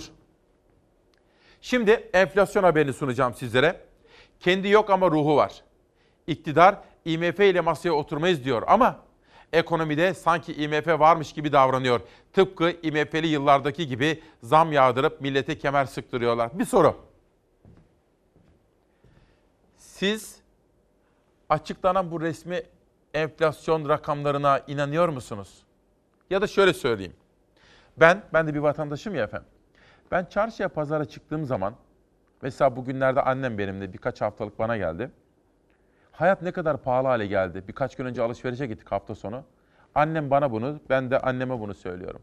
Hayat gerçekten pahalı efendim bakın. Eğer resmi rakamlar benim yaşadığıma yansımıyorsa ya resmi rakamlarda bir sorun var ya da bende bir sorun var. Sizce hangisi diyorum ve sonraki haber için Rahmi Turan'ın köşe yazısına geçiyorum. Şu Amerika meselesini bir tutalım. Enflasyon. Benim yaşadığım mı gerçek? Devletin bana söylediği rakam mı gerçek? Geçen sene e, 10 liraya aldığı sarımsağı bu sene 30 liraya alıyor. Yani yüzde 200 artmış fiyatı. Portakalı geçen sene işte e, geçen seneye göre yüzde 170 daha pahalıya alıyor. Yani bütün bunları sokakta insanlar yaşıyor. Artık kimsenin TÜİK'e dönüp baktı da yok. İsterse her ay 8.55 gelsin. Çarşının pazarın yani etiketlerin aksine enflasyon son 3 yılın en düşük seviyesine indi. TÜİK yıllık enflasyonu %8,55 olarak açıkladı. Aylık enflasyon artışı ise %2. Tek haneli enflasyonu oluşturan sepetteki ürünlerin fiyatı ise TÜİK'in açıkladığı %8,55'in çok üzerinde yükseldi. Enflasyon sepeti içerisindeki 420 malın 350'sinde fiyatlar bugünkü enflasyon rakamının yani %8.55'in üzerinde artmış. En az 80'inde fiyatlar %50'nin üzerinde artmış. E hani %8'de enflasyon diye soruyorum. Doğal olarak insanlar buna inanmıyor. Eylül enflasyonu %9,26 ile tek haneye inince gözler Ekim ayı enflasyonuna çevrilmişti. TÜİK oranı %8,55 olarak açıkladı. Ardından da ekonominin başındaki isim enflasyonla mücadelede attığımız adımlar meyvelerini vermeye devam ediyor paylaşımı yaptı. Boş bir market sepeti görseliyle düşüşün tablosunu paylaştı. Merkez Bankası bir hafta önce %12 yıl sonu hedefini nasıl hesaplıyor? Demek ki Kasım ayında, Aralık ayında fiyatlar yeniden daha hızlı artmaya başlayacak. Yıllık enflasyon son 3 yılın en düşük seviyesinde %8,55 ile. Rakamlara aylık olarak baktığımızda ise karşımıza düşüş değil artış çıkıyor. Aylık enflasyon artışı %2. Ekonomi uzmanlarına göre aylık enflasyon oranı yeniden yükselişe geçiyor. Geçen sene Ekim ayında bizim aylık enflasyonumuz %2,67 idi. Ki geçen sene Ağustos, Eylül nasıl yaşadığımızı hatırlayın. Bu sene ne oldu da %2 neredeyse ona yakın bir enflasyon oldu? Şu, çünkü devletin kasası açık verdi ve zamla insanlara yansıtıyor. Ekonomist Oğuz Demir'e göre asıl enflasyon oranı TÜİK'in açıkladığı değil, devletin vergi ve harçlara yaptığı %20'nin üzerindeki zam oranı ile eşdeğer. O zaman dönüp soralım. Siz neden e, devletin verdiği bu evraklara, bu işlemlere, bu vergilere, bu harçlara %20'nin üzerinde zam yapıyorsunuz? Elimde bir yazı. Bu yazıda Cumhuriyet Gazetesi'nin bugünkü sayısı Şükrü Karaman gazeteci Emekçi Dostu Ecevit ve Sendikalar diye bir yazı var efendim. Ama onun benim asıl hoşuma giden çok röportajlar yaptım. Hatta onun Oran sitesindeki evine de çok gitmişliğim vardır. Onun beni en fazla etkileyen özelliği nezaketi, kibarlığıdır efendim. Çok saygılı bir isimdi. Ben Türkiye'mizin o eski nezaketli günlerini özlüyorum açık söyleyeyim. Eskiden daha nazik bir toplumduk biz. Milli Gazete. Bu enflasyon bakın bu da bizim cezamız. Enflasyon dün %8.8 olarak açıklandı. Yılbaşından itibaren cezalardaki artış oranı ise %22,5 olarak ilan edildi. Zaten efendim az evvelki haberde de izlediniz. Madem enflasyon %8,5, e devlet neden 8,5 zam yapmıyor? Harçlara, hizmetlere, resmi evraklara. Neden? Madem %22,5 zam yapıyor, enflasyon neden 8,5? Bunlar da soru işaretleri diyoruz. Milli Gazete'den sonra geçelim bir başka habere. Hürriyet Gazetesi. Bu arada efendim Hürriyet gazetesinde Vahap Munyar'ın istifasından sonra Ahmet Hakan'ın gazetenin başına geçeceğine dair medya dünyasında çok konuşuluyor. Onu da size bir medya notu olarak aktarmış olalım. Gülse Birsel ve Ayşe Arman da istifa etmişti. Gazetenin yayın yönetmeni Vahap Munyar da görevini bırakmıştı. Şimdi en güçlü isim olarak Ahmet Hakan'ın adı kulislerde konuşuluyor. Bu da bir medya notu. Hürriyet'ten bir haber yapalım, verelim. Bakalım ne var? Olağan şüpheler. Ispanak'taki yabancı düşman. İstanbul'da 108 kişi hastanelik eden zehirlenmelerin ıspanaktan değil, ıspanağa çok benzeyen ve araya karışan yabancı otlardan kaynaklandığı ortaya çıktı diyor efendim. Hürriyet'ten sonra bir de spor gazetesi. Efendim futbolla da ilgileniyor musunuz? Üç büyükler, dört büyükler, bir de Anadolu'nun yeni büyükleri. Fanatik gazetesi bugün çok dikkatimi çekti. Bir, Aytemiz Alanya. İki, Demir Grup Sivas. Üç, BTC Türk Yeni Malatya. Üç yerli teknik direktör Erol Bulut, Rıza Çalınbay ve Sergen Yalçın. Her sezon dört büyüklerin egemenliğini sürdüğü ligimizde bu yıl milyonları harcayan kulüpler değil, Anadolu ekipleri zirve yaptı. Üstelik devlerin 2-3 yıldızına ödediği paralarla kurdukları kadrolarla ilk 10 haftada bu 3 takımımız ilk 3 sırada yer aldılar. Bu da çok dikkate değer bir haber. Bir manşet daha gelsin efendim. Alanya'dan sonra yerel gazetelerden Ankara manşetini seçtim bugün size. Çiftçi. Bugün de üreticiye dair haberler var. Mesela pırasa haberi, mesela pamuk haberi. İlerleyen dakikalarda göreceksiniz. Toprak Mahsulleri Ofisi'ne her türlü tarımsal ürünü ithalat yapma yetkisini veren kanun teklifine ilişkin değerlendirmelerde bulunan Ziraat Mühendisleri Odası Başkanı Özden Güngör, bu çiftçiyi bitirme politikasıdır dedi. Tamer Arda Erşin'in haberi bu. Efendim şu, dün de bir parça konuşmuştuk ya, fiyatlar artınca kolay olan nedir? Yurt dışından ithal edersiniz. Mesela atıyorum soğan değil mi? Ya da et. İçeride fiyatlar arttı. Konjonktürel, dönemsel olarak. En kolay yol yurt dışından parayı bastırıp et getirmektir. Böylece geçici olarak bir parça fiyatları baskılayabilirsiniz. Ama bu çözüm değildir. Çünkü siz kendi üreticinizi, kendi besicinizi, kendi köylünüzü desteklemez. Ve yurt dışındaki çiftçiye, üreticiye para akıtırsanız oradan getirdiğiniz ürünle bizim yerli ürünün fiyatlarını baskılarsınız. Ama bu geçici bir süredir. Sonuçta siz dışa bağımlı bir ülke haline gelirsiniz efendim. Bunun da altını çizelim. Şimdi bugün Kasım'ın 5'i. Tam da Gülten Akın'ı andığımız, büyük şairimiz Gülten Akın'ı andığımız bu dönemde Bülent Ecevit zerafetiyle, nezaketiyle ve üslubuyla her zaman takdir görmüş bir isimdir. Kuzey Kıbrıs Türk Cumhuriyeti'ne o tarihte 1974'te rahmetli Erbakan Hoca ile birlikte Barış Harekatı planını da yapan kahramanımızdır o. Ve biz bugün Kasım'ın 5'inde Karaoğlan'ı saygıyla, şükranla anıyoruz. Biz aslında savaş için değil, barış için. Yalnız Türklere değil, Rumlara da barış getirmek için adaya gidiyoruz. 81 yıllık hayatının 50 yılını siyasete harcadı. Türk siyasetinin başbakanı, bakanı, muhalefet lideri oldu. Dünyadan bir Bülent Ecevit geçti. Sayın Cumhurbaşkanı söz olarak son derecede terbiye dışı bir üslupla bana ağır ithamlarda bulundu. Bülent Ecevit 1954 yılının Çankaya'sında henüz 29 yaşında atıldı siyasete. 7 yıl sonra Ankara'dan milletvekili oldu. Hemen ardından İsmet İnönü hükümetinde bakanlık yaptı. is the result uh, of a long Ecevit 1972'de İsmet İnönü'ye karşı bayrak açtı. İsmet Paşa'ya rağmen CHP'de genel başkanlık koltuğuna oturdu. 1973 seçimlerinde CHP'ye %33 oy kazandırdı. Erbakan'la koalisyon kurdu, başbakan oldu. 1974 yılı hem Ecevit hem Türkiye için dönüm noktası oldu. Başbakan Ecevit'ti. Kıbrıs'ta Rumlar Türklere saldırılar düzenledi. Artık müdahale kaçınılmazdı. Temmuz ayında Türk askeri harekatının düğmesine basıldı. Arkadaşlarımız düşmanı takip eden birliklerimize büyük sevgi gösterilerinde bulunuyorlar. Harekatın sonucunda 1975 yılında Kıbrıs Türk Federe Devleti kuruldu ve Ecevit o günden sonra Kıbrıs Fatihi oldu. Aslında savaş için değil, barış için.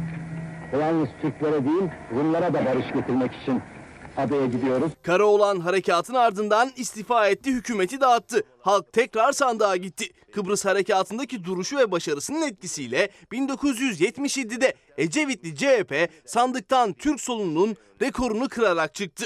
%41 oy aldı. Yerellerden, Türkeşlerden, milliyetçilikten salmayız. Kaybolan devlet otoritesini yeniden tesis etmek için 12 Eylül 1980 darbesi ise Türk siyasetinin üzerinden dozer gibi geçti. Ecevit darbe sonrası 7 yıl siyasi yasaklı kaldı. yönetime el koymak zorunda kalmıştır. Ecevit yasaklıyken bayrağı eşi Rahşan Ecevit aldı. Demokratik Sol Parti kuruldu. Ekmeğe, süte, ete zam Ecevit'in iktidara gelişi 19 yıl sürdü. 1999'da CHP'nin dışarıdan desteğiyle azınlık hükümeti kurdu. Türkiye onun başbakanlığı döneminde 15 Şubat 1999'da terör örgütü PKK lideri Abdullah Öcalan'ı Kenya'da yakaladı. Abdullah Öcalan Türkiye'dedir. Terör elebaşı Apo'nun yakalanmasıyla Ecevit bir kez daha rüzgarı arkasına aldı. DSP Nisan 1999'da yapılan genel seçimlerden %22 oy oranıyla birinci parti olarak çıktı. Aynı yıl DSP MHP ANAP koalisyon hükümeti kuruldu. Karaoğlan bir kez daha başbakanlık koltuğuna oturdu. 17 Ağustos 1999'da Cumhuriyet tarihinin en büyük yıkımı yaşandı. 7,5 şiddetindeki deprem 18 bin kişiyi hayattan kopardı. Deprem Marmara'da olunca ekonomi de can çekişmeye başladı. Maalesef olumlu haberler verebilecek durumda değiliz. 2000'li yılların başı Türkiye için zorlu yıllardı. Ekonomi alarm veriyordu. Son derecede terbiye dışı bir üslupla bana ağır ithamlarda bulundu. 2001 yılında ise Cumhurbaşkanı Ahmet Necdet Sezer, Başbakan Ecevit'e bir toplantıda anayasa kitapçığını fırlattı. Ekonomi allak bullak oldu, bankalar battı, binlerce iş yeri kapandı. Kriz sonrası MHP lideri Devlet Bahçeli erken seçim istedi. Ecevit'in deyimiyle hükümet intihar etti. 2002 seçimlerinde ne DSP, ne MHP, ne de ANAP meclise girebildi. Başarılarını yeni görevinde, başbakanlık görevinde de göstereceğine inanıyorum. Sandıkla gelen Ecevit için artık sandıkla gitme vakti gelmişti. 2004'te aktif siyaset yaşamını bitirdi. Bir geçici e, şeyle karşılaşıldı.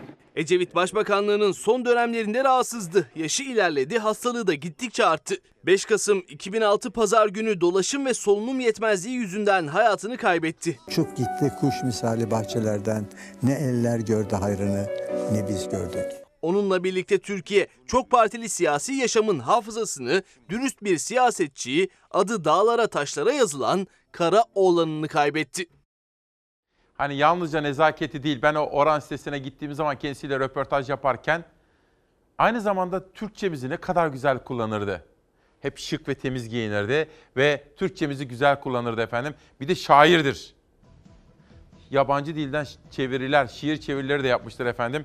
Kendisini saygıyla, rahmetle anıyorum efendim. Bu arada yeni çıkan kitaplardan bahsedeceğim. Bir de LÖSEV'den bahsedeceğim sizlere. Uğur Dündar sordu, Aytun Çıray yanıtladı. Türkiye için söyleşiler. Hani zaman zaman Sözcü'deki röportajlarını hatırlarsınız. Ben de sizlere alıntılar yapardım. Meslek büyüğüm Uğur Dündar'ın Aytun Çıray'la olan muhabbetlerinden Türkiye için söyleşiler. Ve Alaaddin Usta Kurtuluştan Kuruluşa 100. yıl yürüyüşü. Saat 9'u 6 geçe o acının izleri. Bir de efendim ben geçen hafta, ya ondan önceki hafta Ankara'ya gitmiştim. Bizi her sabah izleyen çok kıymetli bir anne baba var. Nebiye anne, Nebiye Çavga, Hasan amca.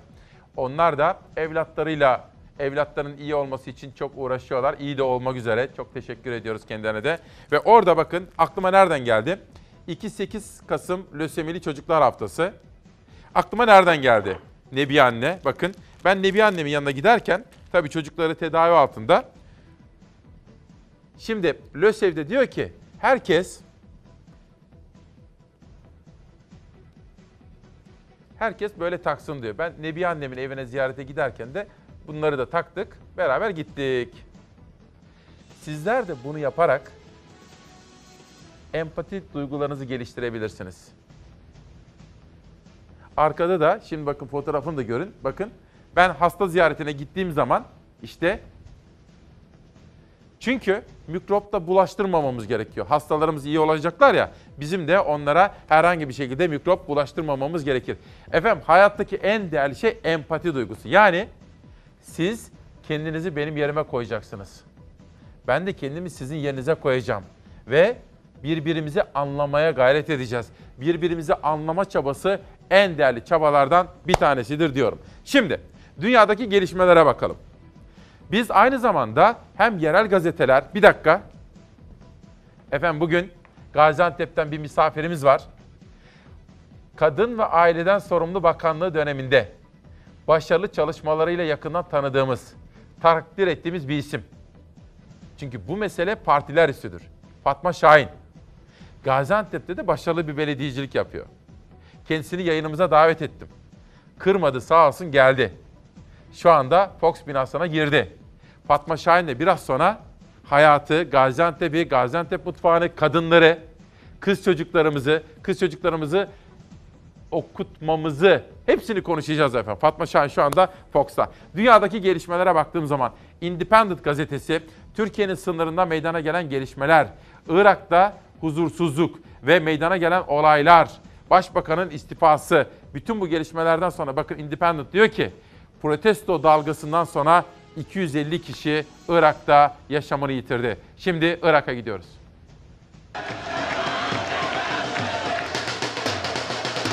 Hükümet karşıtı gösterilerin şiddeti arttı, hayatlarını kaybedenlerin sayısı da yükseldi. Irak'ta gerilim tırmanırken Kerbela kentinde bir grup protestocu İran konsolosluğuna saldırdı. Başkent Bağdat'ta internet erişimi engellendi.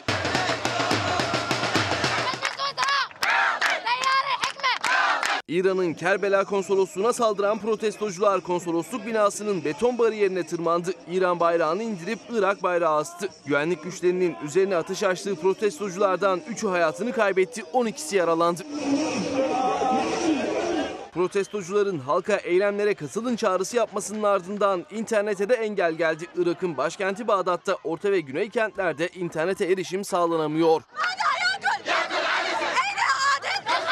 İşsizlik, yolsuzluk ve kamu hizmetindeki eksikliklerin protesto edildiği Irak'ta bugüne kadar 250 kişi hayatını kaybetti.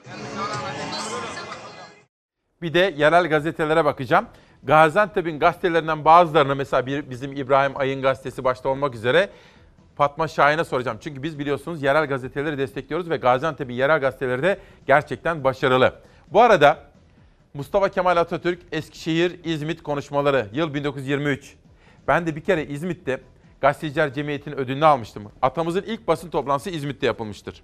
Gazi Mustafa Kemal Paşa 14 Ocak 1923'te Ankara'dan hareket ederek bir ay sürecek bir Batı Anadolu gezisine çıkar. İlk durağı Eskişehir'dir. Atamızın son durağı 17 Şubat 1923'te İzmir İktisat Kongresi'dir.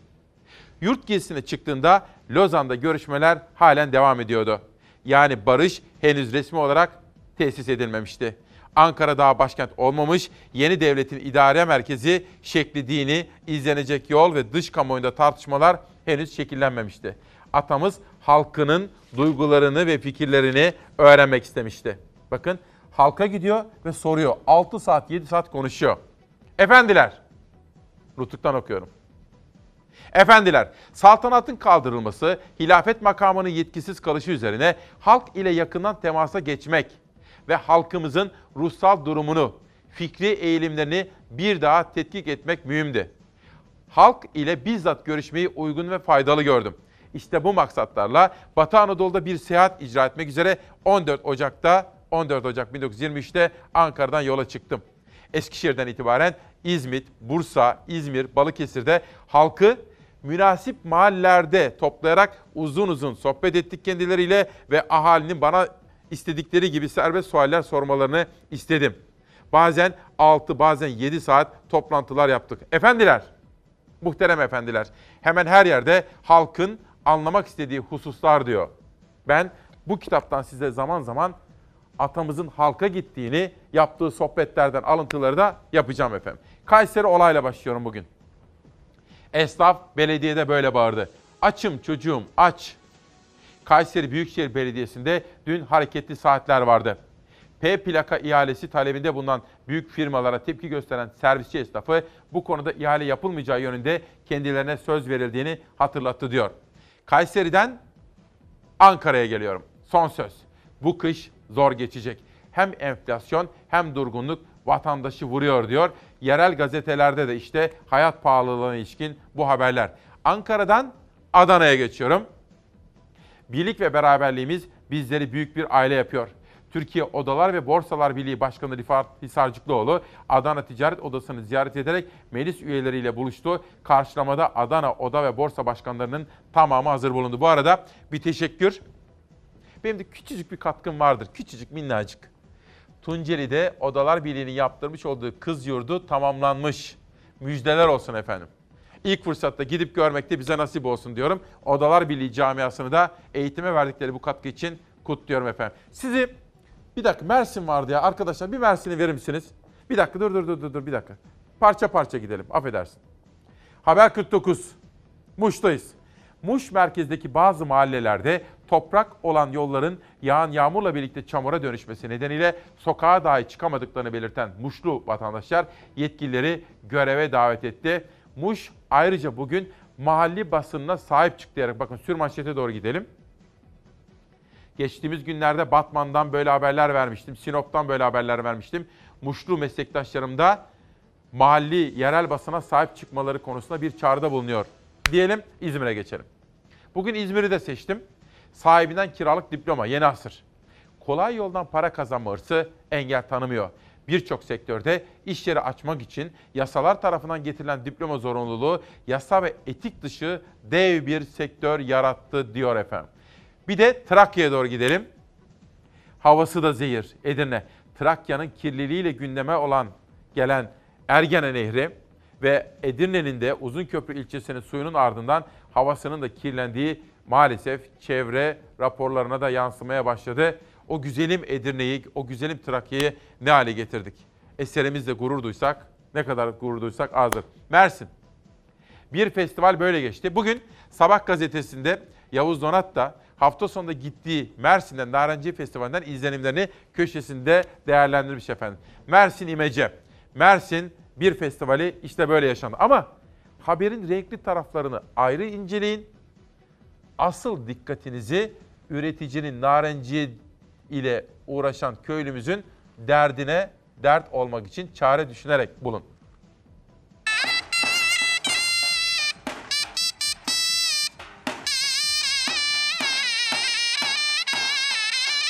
Festival çok güzel oluyor. Her sene devam etmesini istiyoruz. Mersin hem Yalnız marencemiz biraz par etmiyor. Ondan biraz endişeliyiz. Par etmiyor. Narenci. Narenciye. Dışarıdan görüldüğü gibi Dışarıdan değil. gör- dışarıdan görüldüğü gibi değil. Dışı seni içi beni yakar evet, diyorsun. dışı beni, içi beni yakar Nazlı Hanım. 100 ton narenciye ile onlarca figür hazırlanıp sergilendi. Dünyanın dört bir köşesinden davetlilerle festival düzenlendi Mersin'de. Narenciyeyi tanıtmak için ama festivalin asıl sahibi olan üreticilerin gözlerinde coşku değil, ürünümüzü nasıl satacağız endişesi vardı. Bu yıl rekolte düşük diye fiyat artacak beklentisi oluştu ama talep de az olunca işler değişti. Az olduğu yıllar aslında genelde yani ürünün az olduğu yıllarda talep biraz daha yoğun olurdu. Fiyatlar daha da yükselişe geçerdi. Bu yıl nedense biz de çözemedik. Hem ürün az hem talep. Türkiye'de yaklaşık 5 milyon ton narenciye üretiliyor ve bunun %25'i bu bölgede Mersin'de üretiliyor. İhracatın da önemli bir kısmı buradan yapılıyor. Yani yurt dışına daha ne kadar çok mal ihraç edebilirsek bizim için daha iyi. Birleşmiş Milletler Gıda ve Tarım Örgütü'nün verilerine göre dünyada 147 milyon ton narenciye üretiliyor. 39 milyon tonla Çin lider. Onu Brezilya ile Hindistan takip ediyor ve bu üç ülke üretimin neredeyse yarısını karşılıyor. Türkiye ise 7. sırada. İyi olan son 30 yılda dünya genelinde üretim 2 kat artarken Türkiye'de 3,3 kat arttı. Kötü olansa o ürettiğimiz narenciyeyi yeterince değerlendiremememiz. Bir emek veriyoruz yıllardır. Ben bir ziraat yüksek mühendisi olarak 40 yıldır bu sektörün içindeyim.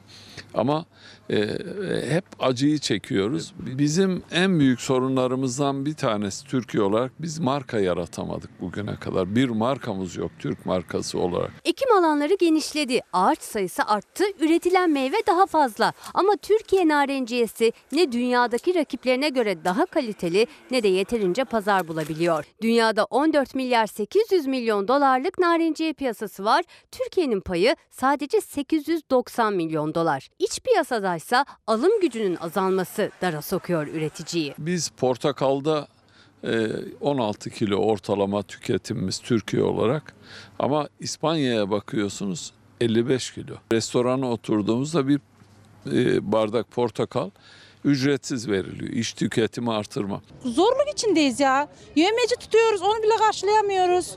İşçinin parası bile çıkmıyor mu? Çıkmıyor. Ya hiçbir masrafımızı alamıyoruz hiç.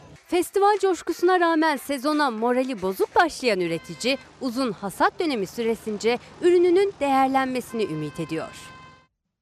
Hani Gülten Akın diyor ki yanlış mı belledim?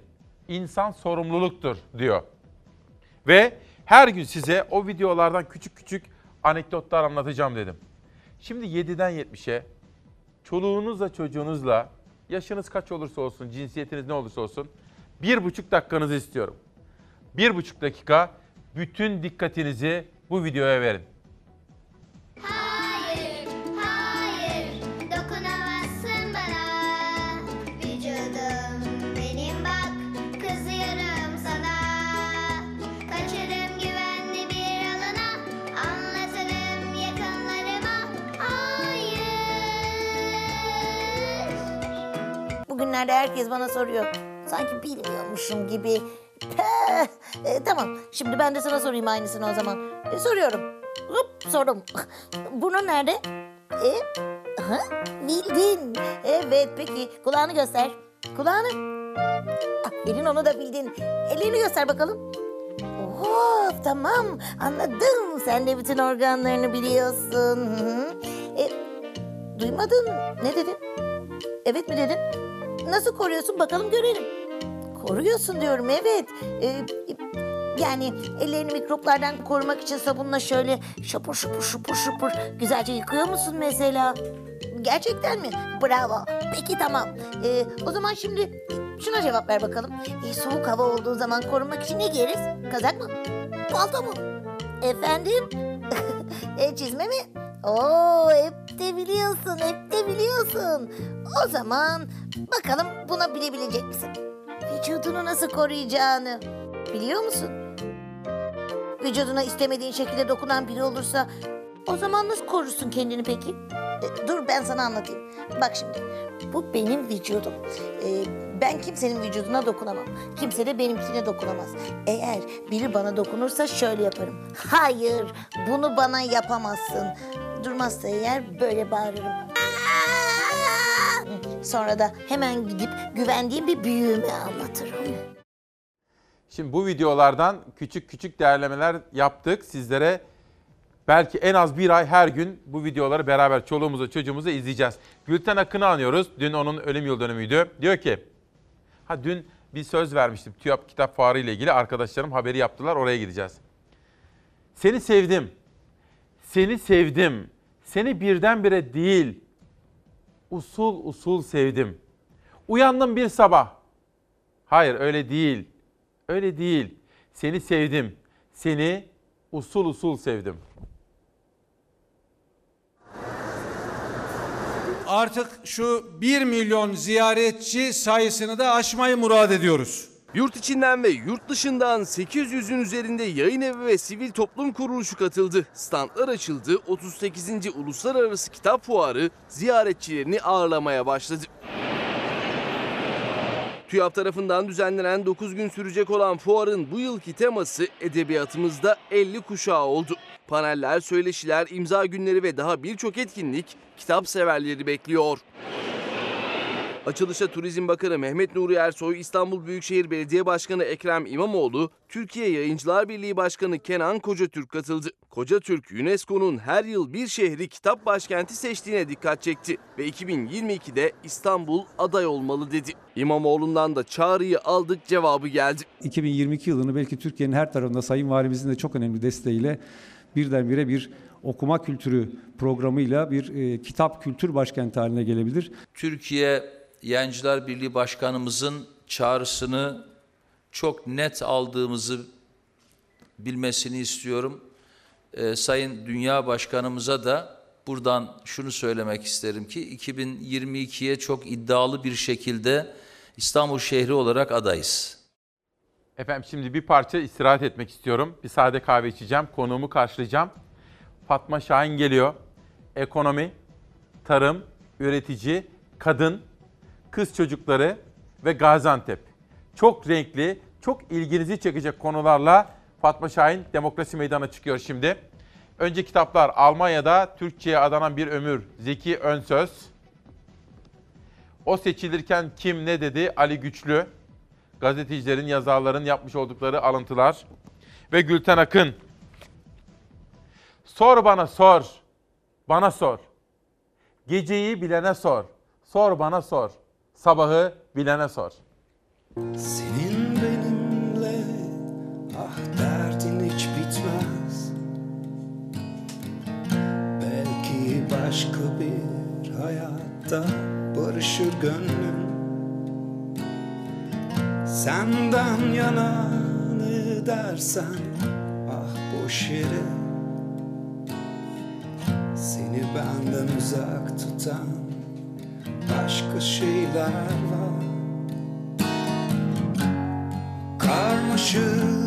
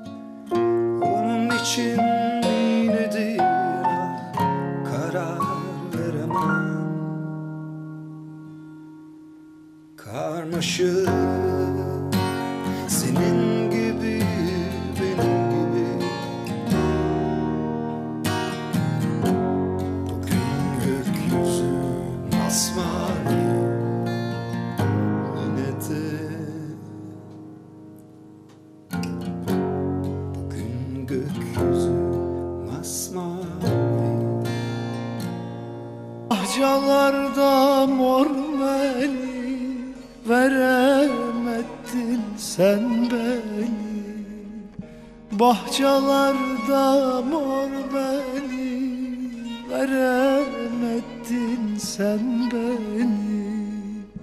Nasıl verem olmayım Eller sarıyor seni. Eller sarıyor seni. Ben sana yandım gelin Yanağı al gelin Gaziantep yolunda Öldürdün beni gelin Ben sana yandım gelin Yanağı al gel Biz tabii türkü seviyoruz. Gaziantep'i de seviyoruz. Ve daha Ankara günlerimizden tanıdığımız o zamanlar bakandı kendisi. Sayın Fatma Şahin şimdi Gaziantep'in Büyükşehir Belediye Başkanı. Hoş geldiniz. Çok teşekkür ederim. İyi Nasılsınız? yayınlar diliyorum. Gaziantep ne güzel değil mi? Bu Türkiye'de. Her şey güzel. Çok güzel. Siz güzelsiniz. Sağ Biz olun. Bakanlık günlerinde de kadın haklarında, çocuk haklarında üstünde çok güzel çalıştık. Sağ olun. Siz de çok çok başarılı bir performans sergilemiştiniz orada efendim. Çünkü şöyle bazı konular siyaset üstüdür. Hangi parti olup olmamasıyla önemli değildir. A, duygusallaştınız Antep türküsü ha? Evet, şimdi Türkü hakikaten çok özel bir Türk. Anadolu çok özel, Aha. şehir çok özel. Ee, dolayısıyla yaptığın işi güzel yapma çok önemli İsmail Bey. Benim hep gördüğüm, bakanlık döneminde de hep onu yapmaya çalıştık. Verilen işi iyi yapma üzerine odaklandık. Hamdolsun o da halkımız üzerinde çok ciddi bir güven oluşturdu. Her şeyin başı güven ve itibar. Buna çok bu inanıyorum. kadın meselesi, kadının toplum içindeki rolünün güçlendirilmesi, sizin ta o günlerden itibaren Evet. çok yoğun çalıştığınız konulardan. Ben bunu çok önemsiyorum. Çünkü toplumumuzun arzuladığımız seviyeye gelebilmesi için kadınla erkeğin toplumsal sorumlulukları eşit olarak paylaşmaları. Evet. Ve kadının mesela parlamentoda çok daha fazla kadın olsun. Bakanlar kurulunda iki değil, bir değil, çok kadın olsun. İşte Evet. bizim bütün çabamız bu yönde zaten. Şimdi toplumun yarısı, toplumun yarısının aklını, toplumun yarısının gücünü yok sayamayız. Hı hı. Dünyanın 10. ekonomisi olacaksak kadınıyla erkeğiyle. Hep birlikte bir kalkınma projesidir. Kadın hakları, kadın eğitimi, Hı hı. kadının sağlığı, kadın istihdamı, Hı hı. kadına dair sorunların çözümüyle ilgili çok net duruşlar. Ee, ve bu bakımdan da hakikaten Sayın Cumhurbaşkanımızın, hanımefendinin Haydi Kızlar Okula başlayan çalışmaları, e, parlamentodaki yapılan çalışmalar bu konuda hakikaten kendi hayatımla ilgili de e, kadınlarla ilgili pozitif ayrımcılıkta çok net bir şekilde önümüzü açtığına şahit olduk. Peki. Şimdi bunları konuşacağız. Bir Evet. de mesela sizin özellikle çok Antep özelinde çok yoğun çalıştığınız bir konu var. Kız çocuklarımız okula gitsinler. Evet. Çocuk yaşta evlendirme olmasın diye. Ama onları biraz sonra anlatacağım. Tamam. Gaziantep mutfağı Evet. en çok bahsetmek istediğim konu ama onu da biraz sonra bırakacağım. Evet. Önce biraz böyle bu kuşakta birazcık böyle hayata bakmak istiyorum. Tamam. Sizinle gazete manşetleri. Bugün bak hukuk herkese lazım dediğimiz bir manşet var efendim. Kara Gazetesi iyi haber enflasyon düştü, kötü haber zamlar sürüyor. İstatistik Kurumu mucize sergilemeye devam ediyor. Doğalgazdan şekere birçok kalemdeki çift haneli zamlara rağmen Ekim enflasyonu %8.55 olarak açıklandı. Buna karşılık 2020'de vergi ve harçlara yapılacak zamları belirleyen yeniden değerleme oranı %22.5'a çıktı. Enflasyon hesabının duruma göre değiştiği tuhaf tablo zam geldikçe enflasyon düşüyor mu esprilerine yol açtı. Sayın Bakanım şimdi şöyle bir ikilemimiz var. Resmi rakamlara göre baktığımız za- zaman işler yoluna girmeye başlamış gibi gözüküyor. Evet. Özellikle enflasyonda. Fakat çarşıya, pazara çıktığımız zaman hayat pahalı hale geldi. Siz nasıl hissediyorsunuz Antep'te mesela? Nasıl? Şimdi ekonomi çok önemli. Enflasyon elbette çok çok önemli. Çünkü insanların satın alma gücü paritesini güçlü bir şekilde tutmamız gerekiyor. Aldığı parayla markete gittiği zaman ne kadar yumurta alacak, ne kadar un alacak, yaşam kalitesi konusunda bunlar çok mühim. Ama e, bunlar bilimsel açıklanıyor İsmail Bey. Sonuçta TÜİK'te enflasyon nasıl hesaplanır, dünyada enflasyon nasıl hesaplanır, bizde nasıl enflasyon hesaplanır bunlar bilimsel. Bence aradaki bu fark tam bir geçiş dönemi yaşıyoruz. Ve ben inanıyorum şöyle Mart-Nisan ayı itibariyle bu hem cebe yansıyacak hem rakamlara yansıyacak. Çok hızlı normalleşiyoruz. Ee, ve çok büyük bir son 5-6 yılda başımıza gelen pişmiş tavuğun başına gelmedi. Ee, Trump kendi söylüyor yaptıklarını. Dolayısıyla buradan geçişi bizim sağlıklı bir şekilde yönetmemiz lazım. Benim çünkü sahadayım, pazardayım, halkın içindeyim. Ee, benim bu yılın ortasına doğru bütün rakamların çok hızlı normalleşeceğine inanıyorum. Siz sahada da e, hayat pahalılığının bir nebze düzelmeye başladığını, Evet. geri döndüğünü görüyorsunuz. Evet, evet, Gözlemleriniz var. evet, evet. Peki devam edelim. Tabii ülkemizin bir de meselesi, temel mesele, hükümetin, ekonomi bakanlığının da temel hedeflerinden biri istihdam. Evet. Genç işsizlik rakamları bizi çok kaygılandırıyor Sayın Bakan. Çünkü Şöyle, onu da şöyle söyleyeyim. Yılda 700 bin çocuk okulu bitiriyor, iş hayatına başvuruyor. 700 bin çocuk. Bu ne demek? Bizim her yıl ortalama en az %5 büyümemiz lazım. En az. Pasta büyümesi lazım. Hı hı. Genç nüfus bizim en büyük gücümüz. Hı hı. Biz %5'in altına büyüdüğümüz zaman ne oluyor? İşsizlik artıyor. O yüzden biz hatırlarsanız 2008 yılında e, dünyada çok büyük bir kriz olduğunda çok büyük bir istihdam paketi çıkardı. Kadın ve gençlerin istihdamın önündeki maliyeti azaltacak Hı hı. önemli pozitif ayrımcılıklar getirdik. Şu an hükümetimiz onun üzerinde çalışıyor. İstihdam çok önemli. Sanayinin çarkı sürekli dönmesi gerekiyor. Hizmet sektörünün genişlemesi gerekiyor. Nerede istihdam oluşuyorsa onun önündeki engelleri kaldırmamız Mesela gerekiyor. siz Antep'te ne yaşıyorsunuz? Çünkü Gaziantep bizim son yıllarda gurur duyduğumuz olağanüstü başarılı bir kalkınma modeli sergiliyor. Herhalde 12. 13. organize sanayi mi açtınız? Şöyle? Türkiye'den çok iyiyiz. Hı. Hem de dibimizde koca bir kaos var ve Türkiye'den çok iyiyiz. Bu nasıl oluyor? Suriye kaosu onu kastediyorum. Evet. Hı hı. Nasıl oluyor bu? Nasıl oluyor? Dibimizdeki koca kaosa rağmen 150 fabrika hangi şehir bitirir? 150 fabrika bitti organize 5'te. Bu büyük bir başarı hikayesi. Niye? Dirençli bir şehiriz. Her şartta çalışıp cesaretle üretmeyi biliyoruz. Bu birinci. İkincisi istihdamı oluşturan en önemli ikinci sektör neresi? Hizmet sektörü. Kültür ve turizm. Şu anda 1 milyon kişi bu şehre geldi. Geldiği zaman ne oluyor? Gezmeye mi? Günübirlik gurme turizmi. Turist olarak. Antik kentler. Artık eskiden biz Gaziantep'e geldiği zaman yarım gün sonra ne yapacağım diyordu. Şu anda en az 4 gün. Yalnızca hayvanat bahçemiz ailesi çocuğuyla geliyor yarım gün. Yalnızca. Müze var efendim. Olağanüstü bir müze var. Şu Mozaik. anda Zeugma Müzemiz ve müzeler 22 müzemiz var. Anası Zeugma ama arkeoloji müzelerimiz bizim Büyükşehir Belediyesi'nin yaptığı müzeler, kent müzeleri, Şahinbey Belediye'mizin yaptığı müzeler o kadar olağanüstü ki şu anda geldiğinde diyorlar ki ya başkanım biz yanlış hesap yaptık günübirlik gelmemeliyiz. Ne yapacaksınız en az 3 gün. Bu ne demek? Hizmet sektörü. Bu ne demek? İstihdam. İşte Yani gastronomi de ki o yüzden çok önemli. İstihdamla mücadele için önce fabrikalar kurmamız gerekiyor. Büyüyeceğiz. Gaziantep'te olduğu gibi büyümemiz Büyüyeceğiz. gerekiyor. Büyümek zorundayız. Hı. Pasta büyümeli. Pasta- Pasta, büyümezse hepimiz küçülüyoruz. Peki. İki, her kentimiz güzel aslında. Turizme biraz yatırım yapmamız gerekiyor. Evet. Bunu Şimdi mesela şu gelen rakamlara bakın. Eğer yazın Evet. bu bu kadar rakam gelmeseydi biz istihdamda yazın bu rakamları da yakalamakta zorlanırdık. İnanın Güneydoğu'ya ayağının altına tekerlek koyalım, Avrupa'ya götürelim 80 milyon turist. 80 Katılıyorum. milyon turist. Ya bir Diyarbakır, bir eksiğimiz yok. Şanlıurfa, Her bir, şey. bir Mardin değil mi? Bir Her Batman. şey. Hepsi. Sayın Bakanım. Tunceli. Ha, ya Tunceli. Tunceli'yi biz hiç konuştuk mu Allah için Ya. ya. Biz konuştuk burada da. Ama konuşmamız lazım. Evet. Güneydoğu'da muhteşem bir kültür hazinesi. Cudi Dağı. Ağrı Şırnak arası. Ya bunun üzerinde öyle bir inanç turizmi olur Şu ki. terörü tamamen aradan İşte çıkarmamız bunlar gerekiyor. şu anda hızlı bir şekilde güvenli şartlar Şimdi oluşunca. bu enflasyon konusunda kafa karışıklığı var ya efendim. Evet. Bakın bugün Cumhuriyet Gazetesi gıda ve giyim cepleri yakıyor diyor. Tüketici fiyatları endeksi Ekim'de aylık %2 arttı. Yıllık enflasyon %8.55 olurken gıdada 12 aylık enflasyon %22.25 oldu. Ana harcama grupları içinde Ekim'de aylık en yüksek artış %11.70 ile giyim ve ayakkabı grubunda görüldü. Hani bu enflasyonu da bir sepetle belirliyoruz ya. Evet. Orada tabii gıda gibi çok temel ürünlerin ne kadar ağırlıklı Ama şöyle bakın Ha. bu iktidar ben vekillikten, Evet. bakanlıktan geliyorum. Evet. Yüzde altmışlardan tek haneye düşüren bu iktidar değil mi? Dolayısıyla biz böyle bir yıl daha e, ben inanıyorum böyle Mart, Nisan, Mayıs ayında yeniden tek hanelere düştüğü zaman bu gündemden de düşecek. Biraz sabır. Peki. Biraz sabırla bunu başaracağız. Tamam. Şimdi size Gaziantep'te esnaf nasıl onu da bir sormak istiyorum ama Evet. istihdam demiştik ya efendim. Efendim hepimiz için en temel mesele işsizliği azaltmak. Öğrenim kredisi alıyor musun? Evet alıyorum.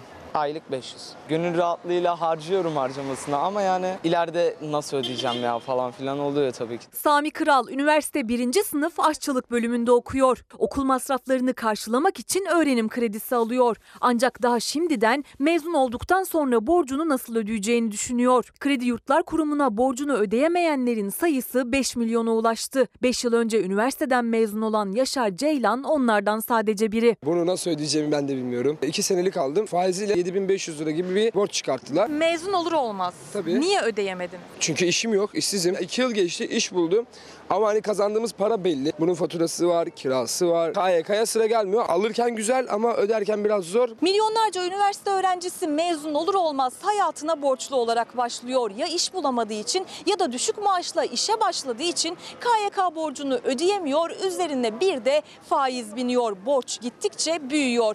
Geciken borcun faizi alınan kredinin kat be kat üzerine çıkıyor. Borç ödenemez hale geliyor. 9 bin 10 bin arasında bir borcum var. Benim abim çekti. Ödeyebildi mi borcunu? Evet ödedi ama arkadaşı ödeyemedi mesela. Şu an askere gidecek hala borcu var.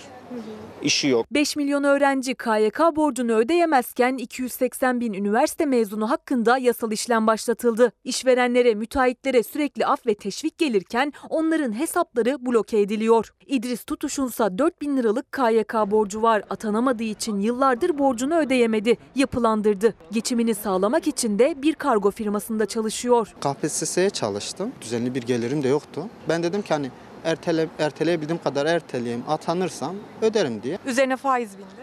Tabii yüzde altmış gibi bir faiz yani iş bulamıyorsunuz yoksa ben kargoda niye çalışayım ki?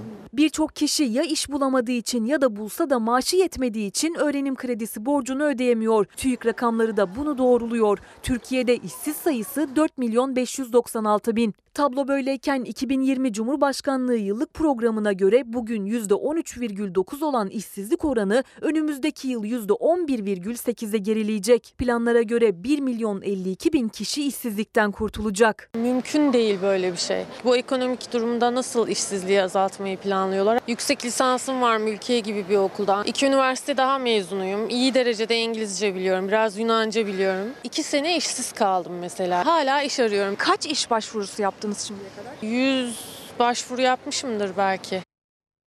Şimdi biraz Antep'i anlatın efendim bize. Gaziantep, iş, gençlerimiz, fabrikalar söylediniz, turizm söylediniz. Bu meseleyi çözmek bizim için çok önemli şimdi. Şimdi her şehrin istihdam üretecek projeler üretmesi gerekiyor. Ee, Gençlerin iş, işi çok önemli. Bir de gençlere tavsiyem, ben mesela Kredi Burs Evet, haberlerinden, dolayı da krediyle okumuş bir kardeşinizim. Ee, mesela haberde diyor ki şu kadar borcu var. İşe girmeden zaten krediyle ilgili süreç başlamıyor. Yani işe girmesi gerekiyor ve bizim şu anda burs oranımız, kredi yurtlardan bunu çok net bir şekilde alabilirsiniz. Ee, Öğrencilere verdiğimiz burs, oranımız krediden çok daha fazla. Burs karşılıksız biliyorsunuz. Kredide de işe başlaması gerekiyor. Verilen miktara da bakarsanız o yüzden İsmail Bey bizim her şeyi böyle e, bütün fotoğrafı gençlere çok Evet. iyi anlatmamız lazım. Bir de nereden nereye Ne tavsiye geldiğimizi. edersiniz gençlere? Gençler uzmanlaşmaları lazım. Hı. Uzmanlık. Şimdi her işi yaparım. Üniversiteyi bitirdiği zaman bir işletme mezunu değil mi? İktisat mezunu. Bu çocukların uzmanlaşması gerek. Dünya nereye gidiyor? Ben şu alanda çok iyiyim demesi lazım. Uzmanlaşma ve kümeleşme zamanı. Güzel. O yüzden bu iki noktada kendilerini yetiştirdiği zaman e, ben şu işte çok iyiyim dediğinde biz bunu başaracağız. Bunun için de bizim onlara uzmanlaşacak alanlar, dijitalleşme, e-dönüşüm, bunlar üzerinde e-ticaret, dünya bir yere gidiyor. E, Bu dünyanın gittiği yere göre kendimizi spesifik bir şekilde uzmanlaştırmamız. Mesela benim şimdi oğlum hukuku bitirdi. Oğlunuz. Evet, Hı. oğluma diyorum ki bilişim hukuku, enerji hukuku, uluslararası hukuk, yabancı dil. Bunlarla ilgili kendini uzmanlaştırmazsan ben hukukçuyum demeyle olmaz. Yani çağımızın yeni gerçeklerine göre Aynen. uzmanlaşmak. Aynen. Çocukları da doğru yönlendirmemiz gerekiyor. Ee, Sizin kaç çocuğunuz var? Benim bir kızım bir oğlum var. Allah Kızımı e-ticaret. Bakın kızım işletme bitirdi. Ha, bak o da akıllı. Dijital marketing. İnternet üzerinden. Yani ticaret, e-ticaret. Böyle bir dünya. Dijital marketing, akıllı şehirler, teknolojik altyapı, bilgi ekonomisi. Bu çocukları buraya e, spesifike yöneltmemiz gerekiyor. Uzmanlaşma Tabii burada Milli zamanı. Eğitim Bakanlığı'nın da bunlara uygun eğitim politikaları sergilemesi Evet ama anne babanın da bu çocukları doğru yönlendirmesi gerekiyor. İşte hukukçu mesela. Oğlumla konuşuyoruz ne yapacaksın? Uluslararası tahkim ihtiyacı var. Var. Artık yabancı dilde hukukçu ihtiyacı var. Bilişim bu hukuku dediniz, o bilişim da hukuku, önemli. enerji hukuku. Bu çocukları buraya yönlendirmemiz gerekiyor. ben hep onu yapıyorum. Birazcık da size üretim. Şimdi Gaziantep deyince üretim de çok önemli. Yani Çok. yalnızca fabrikalar değil. Ona ilişkin de bir soru soracağım ama bir dakika. Tamam. Tweetlere de bir bakalım mı efendim? Tamam. Savaş ver bakalım. Yönetmenimden rica edeyim. Sosyal medyaya bakalım. Ekonominin patronu Berat Albayrak. Enflasyonla mücadelede attığımız adımlar meyvelerini vermeye devam ediyor. Ekim ayı rakamları ile TÜFE'de son 3 yılın en düşük enflasyon seviyelerini yakaladık. Enflasyonla mücadele de aynı kararlı duruşu sürdürecek ve yıl sonunda hedeflediğimiz oranları tutturacağız diyor Berat Albayrak. Muhalefet böyle düşünmüyor. CHP'nin ekonomi kurmayı Faik Öztürk, ekonomide yaşadığımız ağır sıkıntılar sarayın emperyal güçler karşısında bağımsız karar almasını engelliyor. Dün borç alanlar bugün emir alıyorlar. Saray, Washington ve Moskova arasında pimpon topuna dönmüş durumda. CHP sözcüsü Faik Öztürk'ten gelen yaklaşımlar bunlar. Bir mesaj daha gelsin. Vatandaşın tüketiminden vazgeçemeyeceği ürünler yüksek artış göstermiş. Gıda, ilaç, yol uçmuş. Dolayısıyla vatandaş enflasyonu oldukça ağır hissediyor. Hani resmi rakamlarla arada bir uyumsuzluk var deniliyor ya. Şunu söylüyorlar. Resmi rakamlar 8.55 olsa bile fiyat artışı gıda, ilaç ve yol masrafları arttığı için bizim hissettiğimiz daha farklı deniliyor. Efendim birazcık da üretimi anlatın bize. Köylü, Evet. üretici. Orada ne yapıyorsunuz Gaziantep'te? Şimdi şöyle tabii bizim en, en önemli kısmımız bereketli ihlal noktasındayız. Toprak çok bereketli. Bir taraftan Mezopotamya var. Tahıllar ve baharat. Bir taraftan Doğu Akdeniz. Evet. Doğu Akdeniz'e bakınca biber, fıstık, zeytin.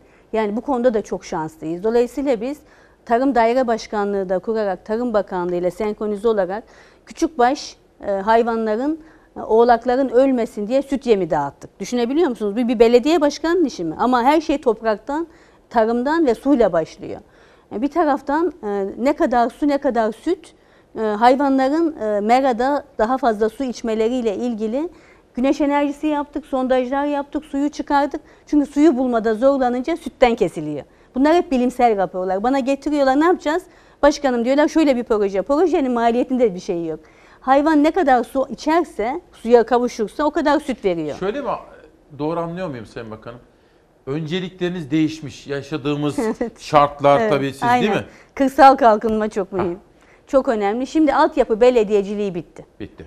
İnsanı merkeze alan, toprakla başlayan, çocuk, kadın, engelli herkesin yaşamına dokunacak sosyal belediyecilik. O da kırsal kalkınmayla, tarımla birlikte başlıyor. Çiftçi rahat etmesi lazım, esnaf rahat etmesi lazım, toplum rahat etmesi lazım. Ya ben belediye başkanıyım kardeşim, ben altyapıdan sorumluyum diyemeyiz. Biz şehrin CEO'suyuz.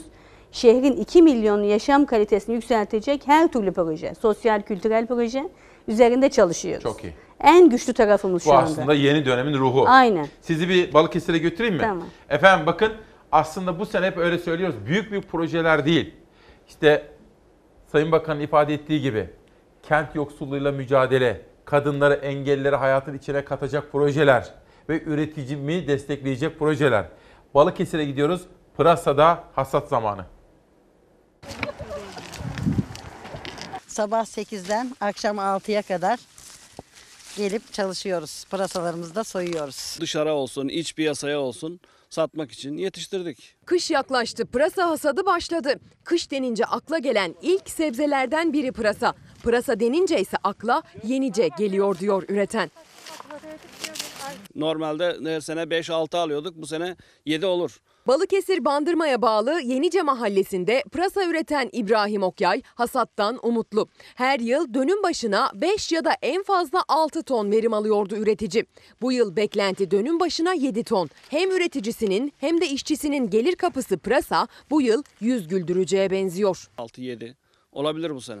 Allah'a şükürler olsun dinçliğim yüzünden çalışmaya geliyorum. 200-300 tane pırasa soyar. 10 kişi. Biz de bağlarız. 200 tane, 150 tane. Öyle bağlıyoruz günde. Toplayanı, soyanı, demetleyip bağlayanı. Pırasanın işçiliği çok ancak işçiler durumdan memnun. Kazandıkları yevmiyeyle ihtiyaçlarını karşılayıp evlatlarını sevindirdiklerini anlatıyorlar. Evlatlarımıza eve işte öteberi alıyorsun. Kendimize. Hem stres atıyoruz burada. Pırasa üreticisi bu yıl umutlu. Verim yüksek diyor. Sofralar bol bol pırasa göreceğe benziyor. Şimdi efendim Fatma Şahin tabii işte bir işi ciddiye alırsanız oluyor. Yani parti, o parti, bu parti o önemli değil. Memlekete hizmet ediyoruz. Hepimiz gelip geçiciyiz değil mi? Bakın modelleme anlatıyor, modelleme. Çağın değişen ruhuna göre yaklaşımlarını değiştirmiş. Kadın Bakanlığı'nda yaklaşımları nasıldı, şimdi nasıl bakın. Ama aslında bir tutarlılık var. Efendim şunu sormak, biraz daha üretimi anlatın bize. Yani herkes bizi izliyor ya, bir görsünler üretimi nasıl destekleyeceğiz, ne yapacak belediye başkanları? Şöyle, önce sanayi üretimini nasıl destekleyeceğiz? Önce bir rapor hazırladık. Aynen vücut gibi şehirler. Önce bir test edeceksiniz. Güçlü tarafı ne, zayıf tarafı ne? Sanayide 6. büyük ihracat yapıyoruz ama emek yoğun. Ama dünya başka bir yere gidiyor, bilgi ekonomisi. Bunun üzerine çok güzel bir rapor hazırlattık. Bizim dedik güçlü ve zayıf tarafımızı çıkarın. Bu raporu aldık Ankara'ya götürdük.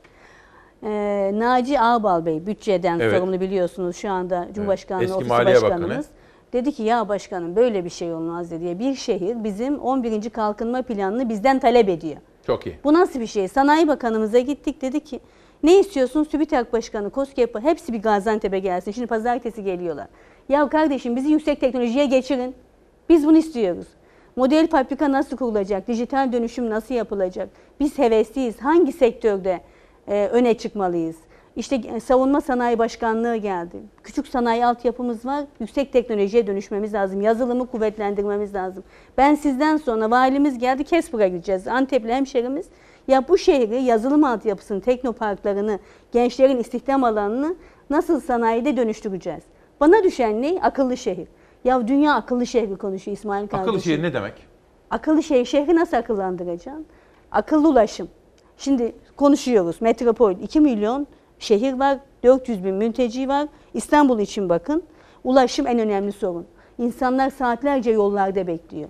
Ulaşım, akıllı ulaşım ne demek? Akıllı ulaşımda uyguladığın uygulamalarla, yaptığın teknolojik çalışmalarla insanlara eline verdiğin altyapıyla, donanım, teknoloji ve bilgilendirmeyle en az yolda ne kadar zaman geçireceksin? Şu anda benim uyguladığım sistem kredi kartıyla. Geldiğimde başkan olduğumda keş para geçiyordu. Yani otobüse falan bindiğim zaman Kredi kartıyla. Ha, Kredi güzel. kartıyla. Nereden gelirsen gel. Vallahi geldiğinde hatta de yurt keş para dışında- geçiyordu. Sayın Bakanım hatta yurt dışında nasıl biliyor musunuz? Cep telefonuyla Evet. indirmişsiniz. Evet Mesela bizde de Oslo'ya var uygulama Var şu mı? anda. İşte Ha, çok akıllı iyi. ulaşım. Akıllı Cep enerji. telefonu gösteriyorsun. onu- Aynen. Oradan indiriyor fiyatı. Şimdi İsmail Bey akıllı enerji ne demek? Ya güneş, Allah bütün güneş imkanını buraya vermiş. Almanya güneş teknolojisini yapıyor. Ne demek bu? Akıllı e, enerjiyle ilgili. Güneş enerjisi, rüzgar, jeotermal, yenilenebilir. Ben kanununda katip üyeydim sanayide, sanayi komisyonunda. Şimdi uygulamadayım. Şehirler bütün enerji imkanlarını belediye başkanları olarak teşvik etmesi lazım. Tükettiği enerjiyi üretmesi lazım. İşte akıllı enerji. Yani şehir nasıl akıllanacak? Güzel. Bunların üzerine dünya nereye gidiyor? Japonya'ya gittik, Amerika'ya gittik.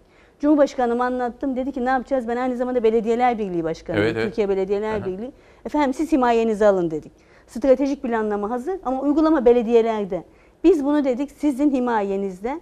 Dünyada ne oluyor? Aldım himayesini. Aldı. Başladım proje. Evet şimdi biz Ocak'ta çok büyük bir kongre yapıyoruz. Dünyada SAS mesela SAS yarın Belediyeler Birliği'nde. Amazon, Huawei, Japonlar ne yapıyor? yani dünyanın getirecek- teknoloji devleri ne yapmış? Evet ama yerli ve milli. Biz ne yapacağız? Ve onunla ilgili TürkSat'tan, Telekom'dan, bizim yerli e, TÜBİTAK'tan gittik dedik ki siz de gelin. Bunu nasıl millileştireceğiz? Bu çok çocukları nasıl yazılım alanı bir Hindistan örneği var ya.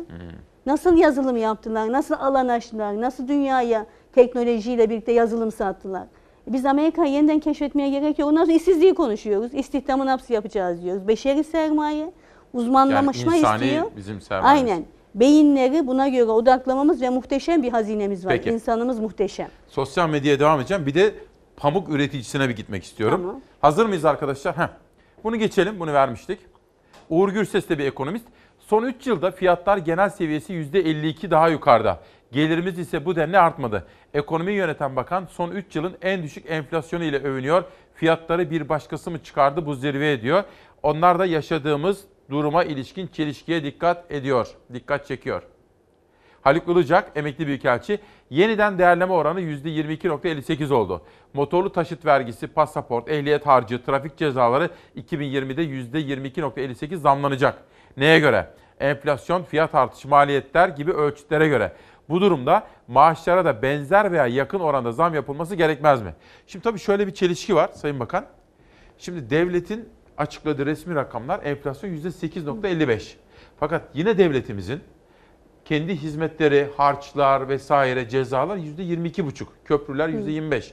Burada bir çelişki var. Vatandaş bunu Şimdi söylüyor. vatandaş haklı. Heh. Fakat ben biraz önce söyledim. Faizlerin bu kadar hızlı düşeceğini hangi ekonomist burada yazdı? Ama düştü. Güven ve istikrar irade çok önemli. Hmm. Bu üçlü dediğimiz faiz, enflasyon dengesi, makro denge ile ilgili kısımda ya bir anda ne kadar yükseldi, ne kadar hızlı düştü. Biraz sabır. Ben gene söylüyorum. Ben inanıyorum. Biz Nisan ayı itibariyle çok hızlı e, cebimizdeki, soframızdaki gördüğümüz de rakamlar çok hızlı örtüşecek. Hakikaten şimdi faizler müthiş indirildi. Evet, evet. Faizler indi, dolar yükselecek deniyordu. Dolar da olduğu yerde Nasıl duruyor. oldu? Nasıl oldu? Şimdi faizin e, düşmesi ne demek biliyor musunuz? Yatırım demek. Paradan para kazanıldığı dönemde fabrikalar çalışmıyor. İnsanlar Hmm. alıyor parasını bankada tutuyor. Zengin sabahleyin daha zengin oluyor. Bu sistemde bizim Rantiye. Evet bu sistemde biz nasıl yapmamız lazım? Fabrikayı çalıştıracak model faizlerin hızlı düşmesi lazım. Üretimi teşvik etmemiz lazım. Üretimden daha çok kar elde etmemiz lazım. Bizi Gaziantep ekonomisini ayakta tutan neydi? İhracat. İhracat kapasitemizi %60'lara çıkardığımız için biz üretmeye devam ettik. Ama iç piyasada da bu faizlerin düşmesiyle alan rahatlayınca ben gerçekten buna ben siz beni tanıyorsunuz. Evet. İnanmadığım hiçbir şeyi söylemem. Çok ciddi bir zor dönem geçirdik. En zor geride kaldı. Başımıza gelmeyen kalmadı. Çok hızlı ve e, yılın ortasına doğru da bu rakamlar, çarklar hızlı bir şekilde sanayi üretimi arttığı zaman istihdam da oradan oluşacak. İşsizlik de oradan önlenecek. Mesela Biraz sabır. Antep Antep'e çıktınız. Ben Antep'te gezmeyi de çok severim. Esnafla konuştuğunuzda mesela ne diyorlar size? Şöyle esnafla ilgili kısmı şöyle yönettik biz. Eğer biz bugün Türkiye'den daha iyiysek şimdi Gaziantep'e gelme zamanı dedik. Millet çok ne demek istediğimi anlamadı. Çünkü pozitif gündem. Şu anda şu bardağın boş tarafını konuş konuş bana ne faydası var? Bunu nasıl dolduracağım kardeşim? Ben belediye başkanıyım. Esnafın gidip derdini dinlediğim zaman nasıl çözeceğim? Şimdi Gaziantep'e gelme zamanı. Uzaklarda arama. Dört mevsim Gaziantep. Bütün Türkiye'ye girdik. Billboardlara. Her yerde. Antep'e kaç kişi geldi biliyor musunuz? 1 milyon kişi geldi. Bir Hayvan- yılda mı? Evet. Hayvanat bahçemi kaç kişi ziyaret etti? Tahmin et. Üç 4,5 milyon. Vay. 4,5 Müze, milyon. müze, Müzeler de muhteşem. mozaik müzesi inanılmaz. Muhteşem. Dünya Şimdi, çapında. Şimdiki hedefim ne biliyor musunuz? Kapadokya'ya gelen Japon ve Asya turisti Güneydoğu'ya getirmek. Niye? İstedikleri her şey bizde var. Arkeoloji. Şu anda arkeoloji, Anadolu Arkeoloji Enstitüsü merkezi nerede yapılıyor? Gaziantep'te. Neden İstanbul'da ve Ankara'da değil? Gaziantep'te. Beş antik kent var. Dünyanın en eski yerleşim merkezi. Bir ay önce The Telegraph'ta bir indeks yayınlandı. Ee, Siz takip ettiniz mi bilmiyorum. Dünyanın en eski yerleşim merkezi diyor. Dokuzuncu sıradayız. Gaziantep diyor. Türkiye Gaziantep. Bizim üstümüzde de hepsi harap olmuş. Müthiş. Şam, Halep, Lübnan, Filistin hepsi harap Peki. olmuş. Bir de Yani Pamuk- anlatmaya çalıştığım şey ne kadar çok insan gelirse o kadar alışveriş yapıyor ve esnaf Gaziantep'le 40 ülke geldi. peki. Kraliçenin pastacısı geldi. İsmail Şimdi Bey ya. Onlara da gireceğim. Evet. Şimdi efendim Şanlıurfa'ya gidiyoruz ve Şanlıurfa'da pamuk, pamuk üreticisi, yoldaki çocuklarımız ve gelecek. Onlar pamuğun görünmez toplayıcıları. Yol boyunca pamuğun izini sürenler. Yol kenarına saçılmış pamuk artıklarını gelir kapısı yapanlar. Çalışmak isteyene iş var dedirtiyorlar. Ve 15-20 kilo o civarda. Kilosunu ne kadardan satıyorsunuz? 1 milyon. 1 liradan satıyorsunuz. Evet. Nasıl harçlığınız çıkıyor mu? İşte oturmak, boş oturmaktan iyi. Kendilerine ait arazileri, tarlaları, takkaları yok. İşse bir gün var, öbür gün yok. Evde boş oturmaktan iyidir deyip düşüyorlar yollara. Yol kenarında bir yerden bir yere kamyon traktör kasasında taşınan pamuk balyalarından uçanları topluyorlar. Beyaz altının en çok üretildiği Şanlıurfa Akçakale'de çok sayıda kişi geçimini böyle sağlıyor. Adeta adım adım pamuğun izini sürüyorlar. Yol kenarlarından topluyorlar. Ee, biçer e, vurulmuş, bı- bırakılmış tarlalardan topluyorlar. Çocuklar okul aşıklarını çıkarmak için e, pamuklarını toplayıp bize getirip satıyorlar. Dar gelirliler, bazen mülteciler, bazen de öğrenciler gün boyunca karayolu üzerinde yol kenarındaki kirli pamuğu topluyorlar. Kilosu 1-1,5 liradan sattıkları pamuktan duruma göre günlük 25-30 liraya kadar para kazanıyorlar. Seyyar tüccarlar alıyor topladıkları pamukları. Geçimlerini böyle sağlıyorlar. Pamukların e, durumuna göre bir fiyat veriyoruz. E, örneğin e, 1300, 1400, 1500 liraya alıyoruz. 1600, 1700 liraya da satıyoruz. Onlar aslında sadece kendi ekonomilerine katkı sağlamıyor. Yüzlerce kilo pamuğun heba olmasının da önüne geçiyorlar. Öte yandan alın terinin kıymetini gözler önüne seriyorlar. Ya işte oturmak, boş oturmaktan iyi. İşte çiftçi, üretici, esnaf. Evet. Evet. Bir de- Herkes. herkes. Bir de kent yoksulları efendim. Yoksullukla da mücadele aslında yeni dönemde belediye başkanlarının görevi değil mi? Şöyle yaptık. Bir Sarmer diye bir merkez kurduk. Bir merkezde bütün mahalleleri taradık. Hane bazlı. Benim biraz bakanlık tecrübemle. Bu hanenin neye ihtiyacı var? Bu hanede okumayan kız çocuğu var mı? Güzel. Bu o kadar önemli bir şey ki.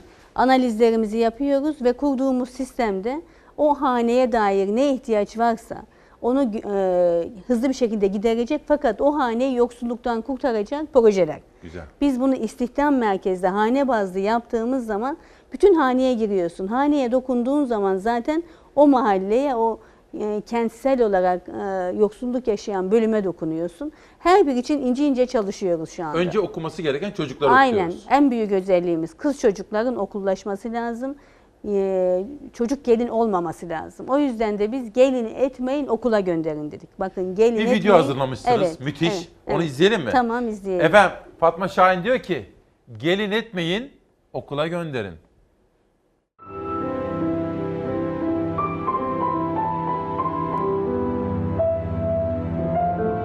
Evlilik çocuk oyunu değildir. Ülkemizde hala zorunlu eğitim çağında bazı kızlarımız çocuk yaşta evlendiriliyor. Onların yeri okul sıraları. Gelin etmeyin. Okula gönderin. Efendim bak bizim yönetmenimiz diyor ki sonuçta Fatma Hanım diyor Belediyeler Birliği Başkanı. Bütün belediyeler yapsın bunu efendim. Yayınlayın. Aynen. Çok doğru söylüyor.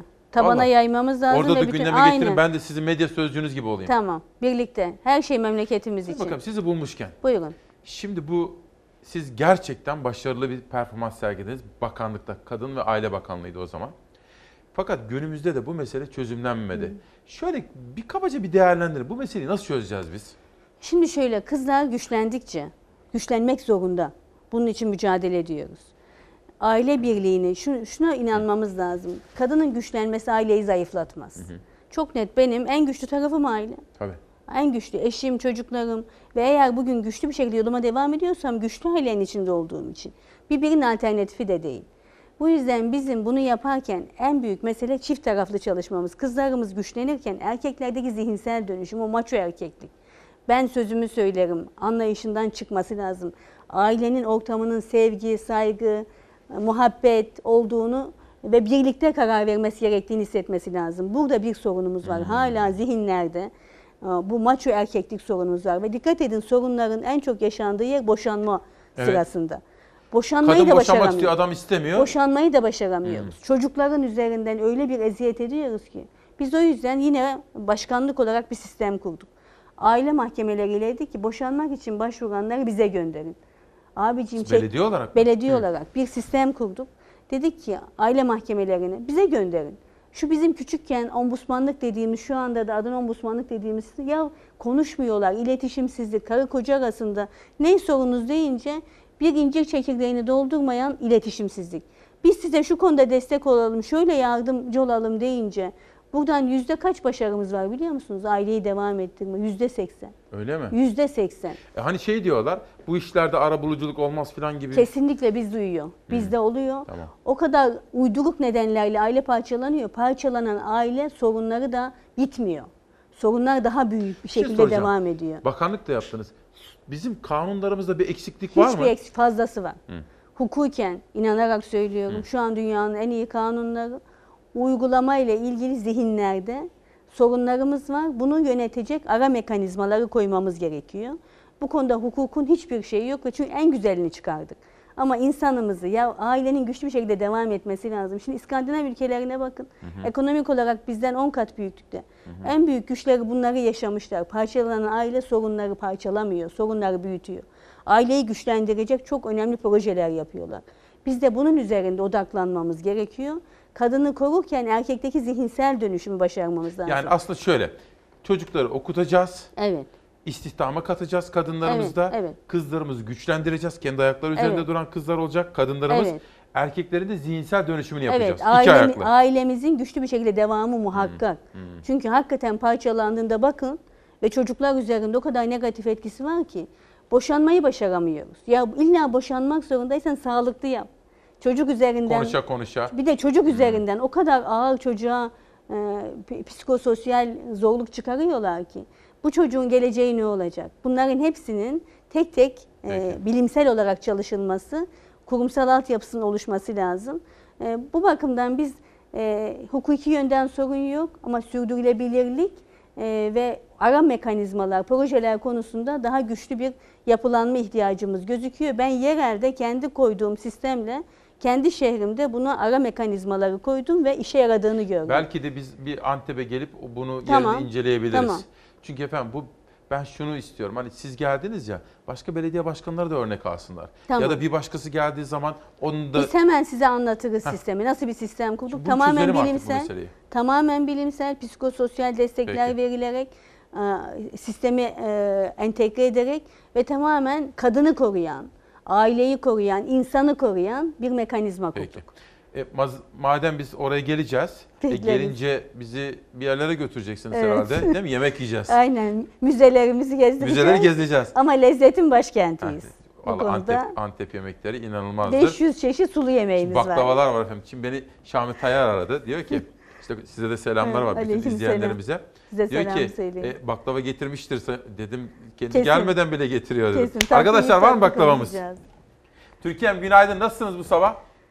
Bu sabah işte bazı tahliyeler vardı. Ilıcak kardeşler ve Nazlı Ilıcak tahliye edildi. Adli kontrol ve Ahmet Altan da aynı şekilde. Mehmet Altan da beraat etti efendim. Bak hukuk herkese lazım manşetiyle çıktık. Amerika'dan Suriye'ye kadar gelen bütün o dış medya gelişmelerini sizlere aktardık. Ekonomi, üretici derken Fatma Şahin'de konuşuyoruz. Vay vay vay. Vay ana hani şöyle derler ya. Vay anasını sayın seyirciler bakın. Nedir bunlar efendim siz bize bir anlatın birazcık. Şimdi bu çok güzel baklavamız ama üzerinde ay yıldızlı bayrağımız Evet. var. Bu- Rengini nereden alıyor nasıl? Ee, bu özel olarak yapılıyor. Bizim artık markalaştık ve kullandığımız boya da sağlıklı organik boya. Baklavamızı bu şekilde şekillendiriyoruz. E tabi ıspanak falan başımıza neler geldi dikkat ediyoruz artık bu. Bu da Ah, çalar saati. çalar saat ve fıstıkla yaptık. Fıstıkla yaptınız. Şimdi fıstığın bir özelliğini söyleyebilir Evet, miyim? lütfen. Amerika'da bilimsel bir rapor çıktı. Şu anda Alzheimer bizim veba, e, çağın vebası. Evet.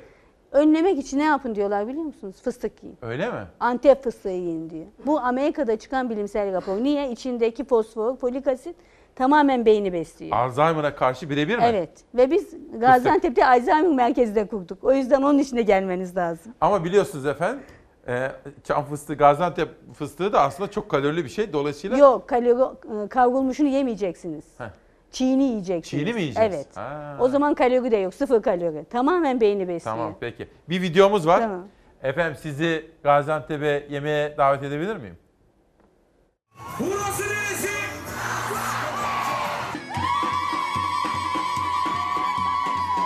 Hedefimiz yerelden evrensele, gelenekten geleceğe Anadolu'nun, bölgenin ve Gaziantep'in farkını bütün dünyaya anlatmak.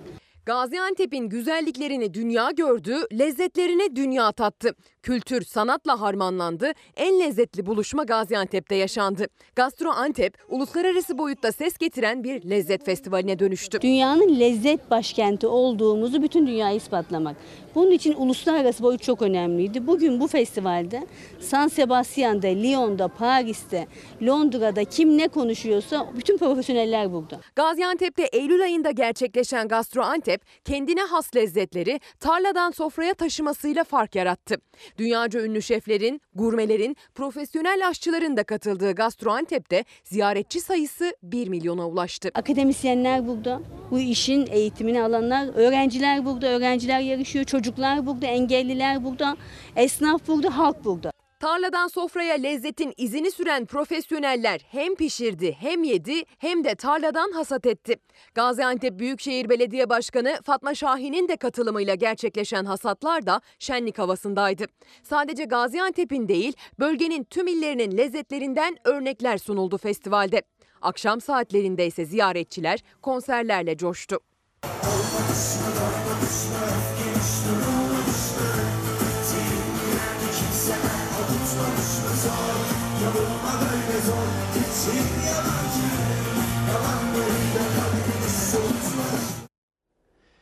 Şimdi efendim şöyle. Gaziantep, Adana, Şanlıurfa, Kahramanmaraş, Mardin, Kahramanmaraş, Diyarbakır, Hatay, Hatay. İskenderun. Evet. Ya o bölge olağanüstü. Bir, bir kere çok farklı medeniyetlerimiz, kültürlerimiz aynı vatanda Evet, evet. birbirinden etkilene etkilene olmuş değil mi? Bunu Sofra birleştiriyor Ha, ve sofra sofra, birleştiriyor. medeniyetin sonu. Ha. Biz İpek yolu hattındayız. Bütün Evet. medeniyetler bir araya geliyor ve kendi kültürünü o sofrada birleştiriyor. E, toprak da çok bereketli. E, kadınlarımız muhteşem.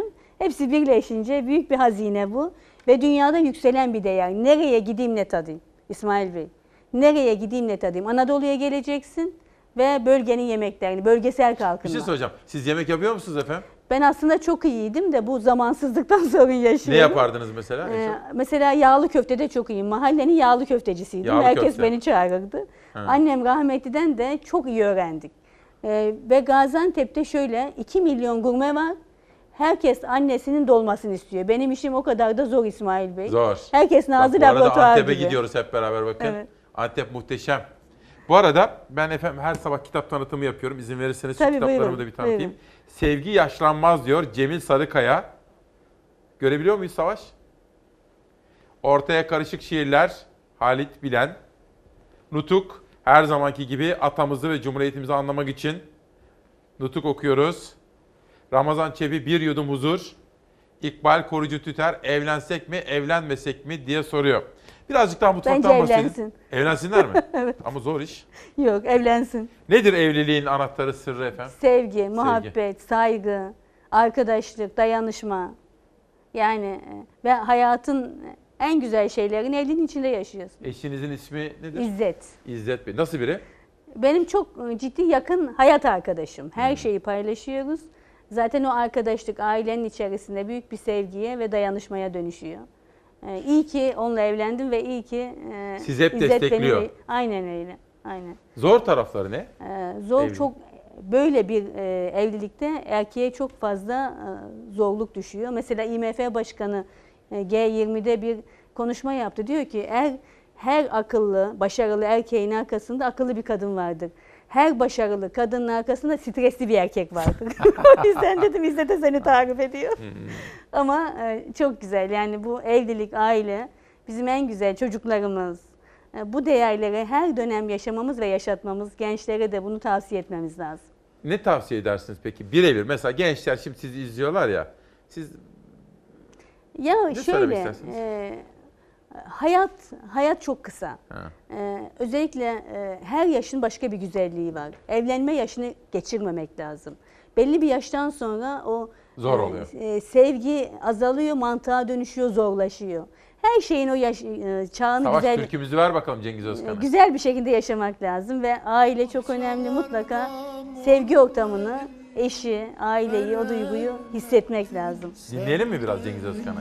Gaziantep türküsü. Bahçelerde mor beni Veremedin sen beni Nasıl verem olmayım Eller sarıyor seni Eller sarıyor seni Ben sana yandım gelin Yana al gelin. Gaziantep yolunda Öldürdün beni gelin. Ben sana yandım gelin Yana al gelin. Gaziantep yolunda Öldürdün beni gelin Size çok selamlar var efendim. Bakın iki hafta önce Gaziantep'teymiş Arzuhan Hanım. Evet. Ve evet. Çok müthiş. güzel e, TÜSİAD'ın başkanlarını Evet. ağırladık. Onlara dedim ne olur daha fazla buraya gelin. Çok iyi. Daha fazla toplantı yapın. Daha çok bir arada olalım. Daha çok aynı masada bu memleketin sorunlarına hep birlikte çare olalım. Birlikte rahmet var. Birlikten kuvvet doğuyor. 80 milyonun birliğine ihtiyacımız var. Sihir ne biliyor musunuz efendim? Ben sizi Ankara günlerimde Enerji Bakanlığı'na ve Ulaştırma Bakanlığı'na gittiğim zaman bir muhabir olarak sizi hep beraber görüyordum. Evet, bütün vekiller. Bütün vekiller. Gaziantep'in bütün partilerden Cumhuriyet vekiller. Halk Partisi'nin, Milliyetçi bu işte Hareket böyle Partisi'nin. birlik olunca Söz oluyor. konusu memleket hepimiz bir aradayız. Gaziantep modeli. Sayın Bakan çok teşekkür Ben ediyorum. çok teşekkür ederim. Gaziantep'e selamlar çok söyleyelim. sağ olun. Herkesi bekliyoruz. Sağ olun. Çok Geliriz teşekkür efendim. ediyoruz. Hadi Antep'e gidelim.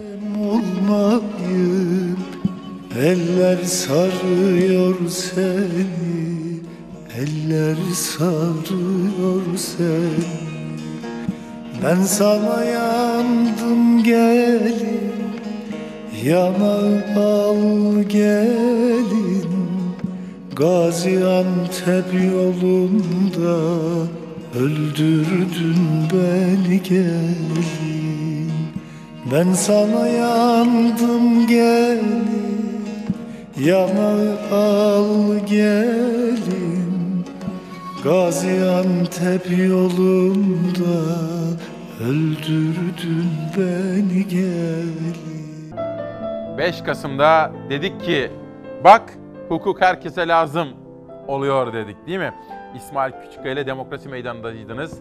Bütün arkadaşlarıma ve danışmanıma emekleri için, katkılar için teşekkür ediyorum. Ömer Madra kitabı Kıyam et diyor. Çevre bilinci. 40 yıl 7 ay Kemal Önal bir valinin anıları. Ankara'dan tanıdığım valimiz Kemal Ünal. Siyah Beyaz Mehmet Tezcan denemeler. Haftanın şairi, yılların şairi, şair anamız Gülten Akın. Şimdi uzak, şimdi yakın. Bir tansık mı? Belki. Hiç gelmeyecek olan zamanı tartarak. Ben iyiyim. Ben iyiyim. Sen nasılsın?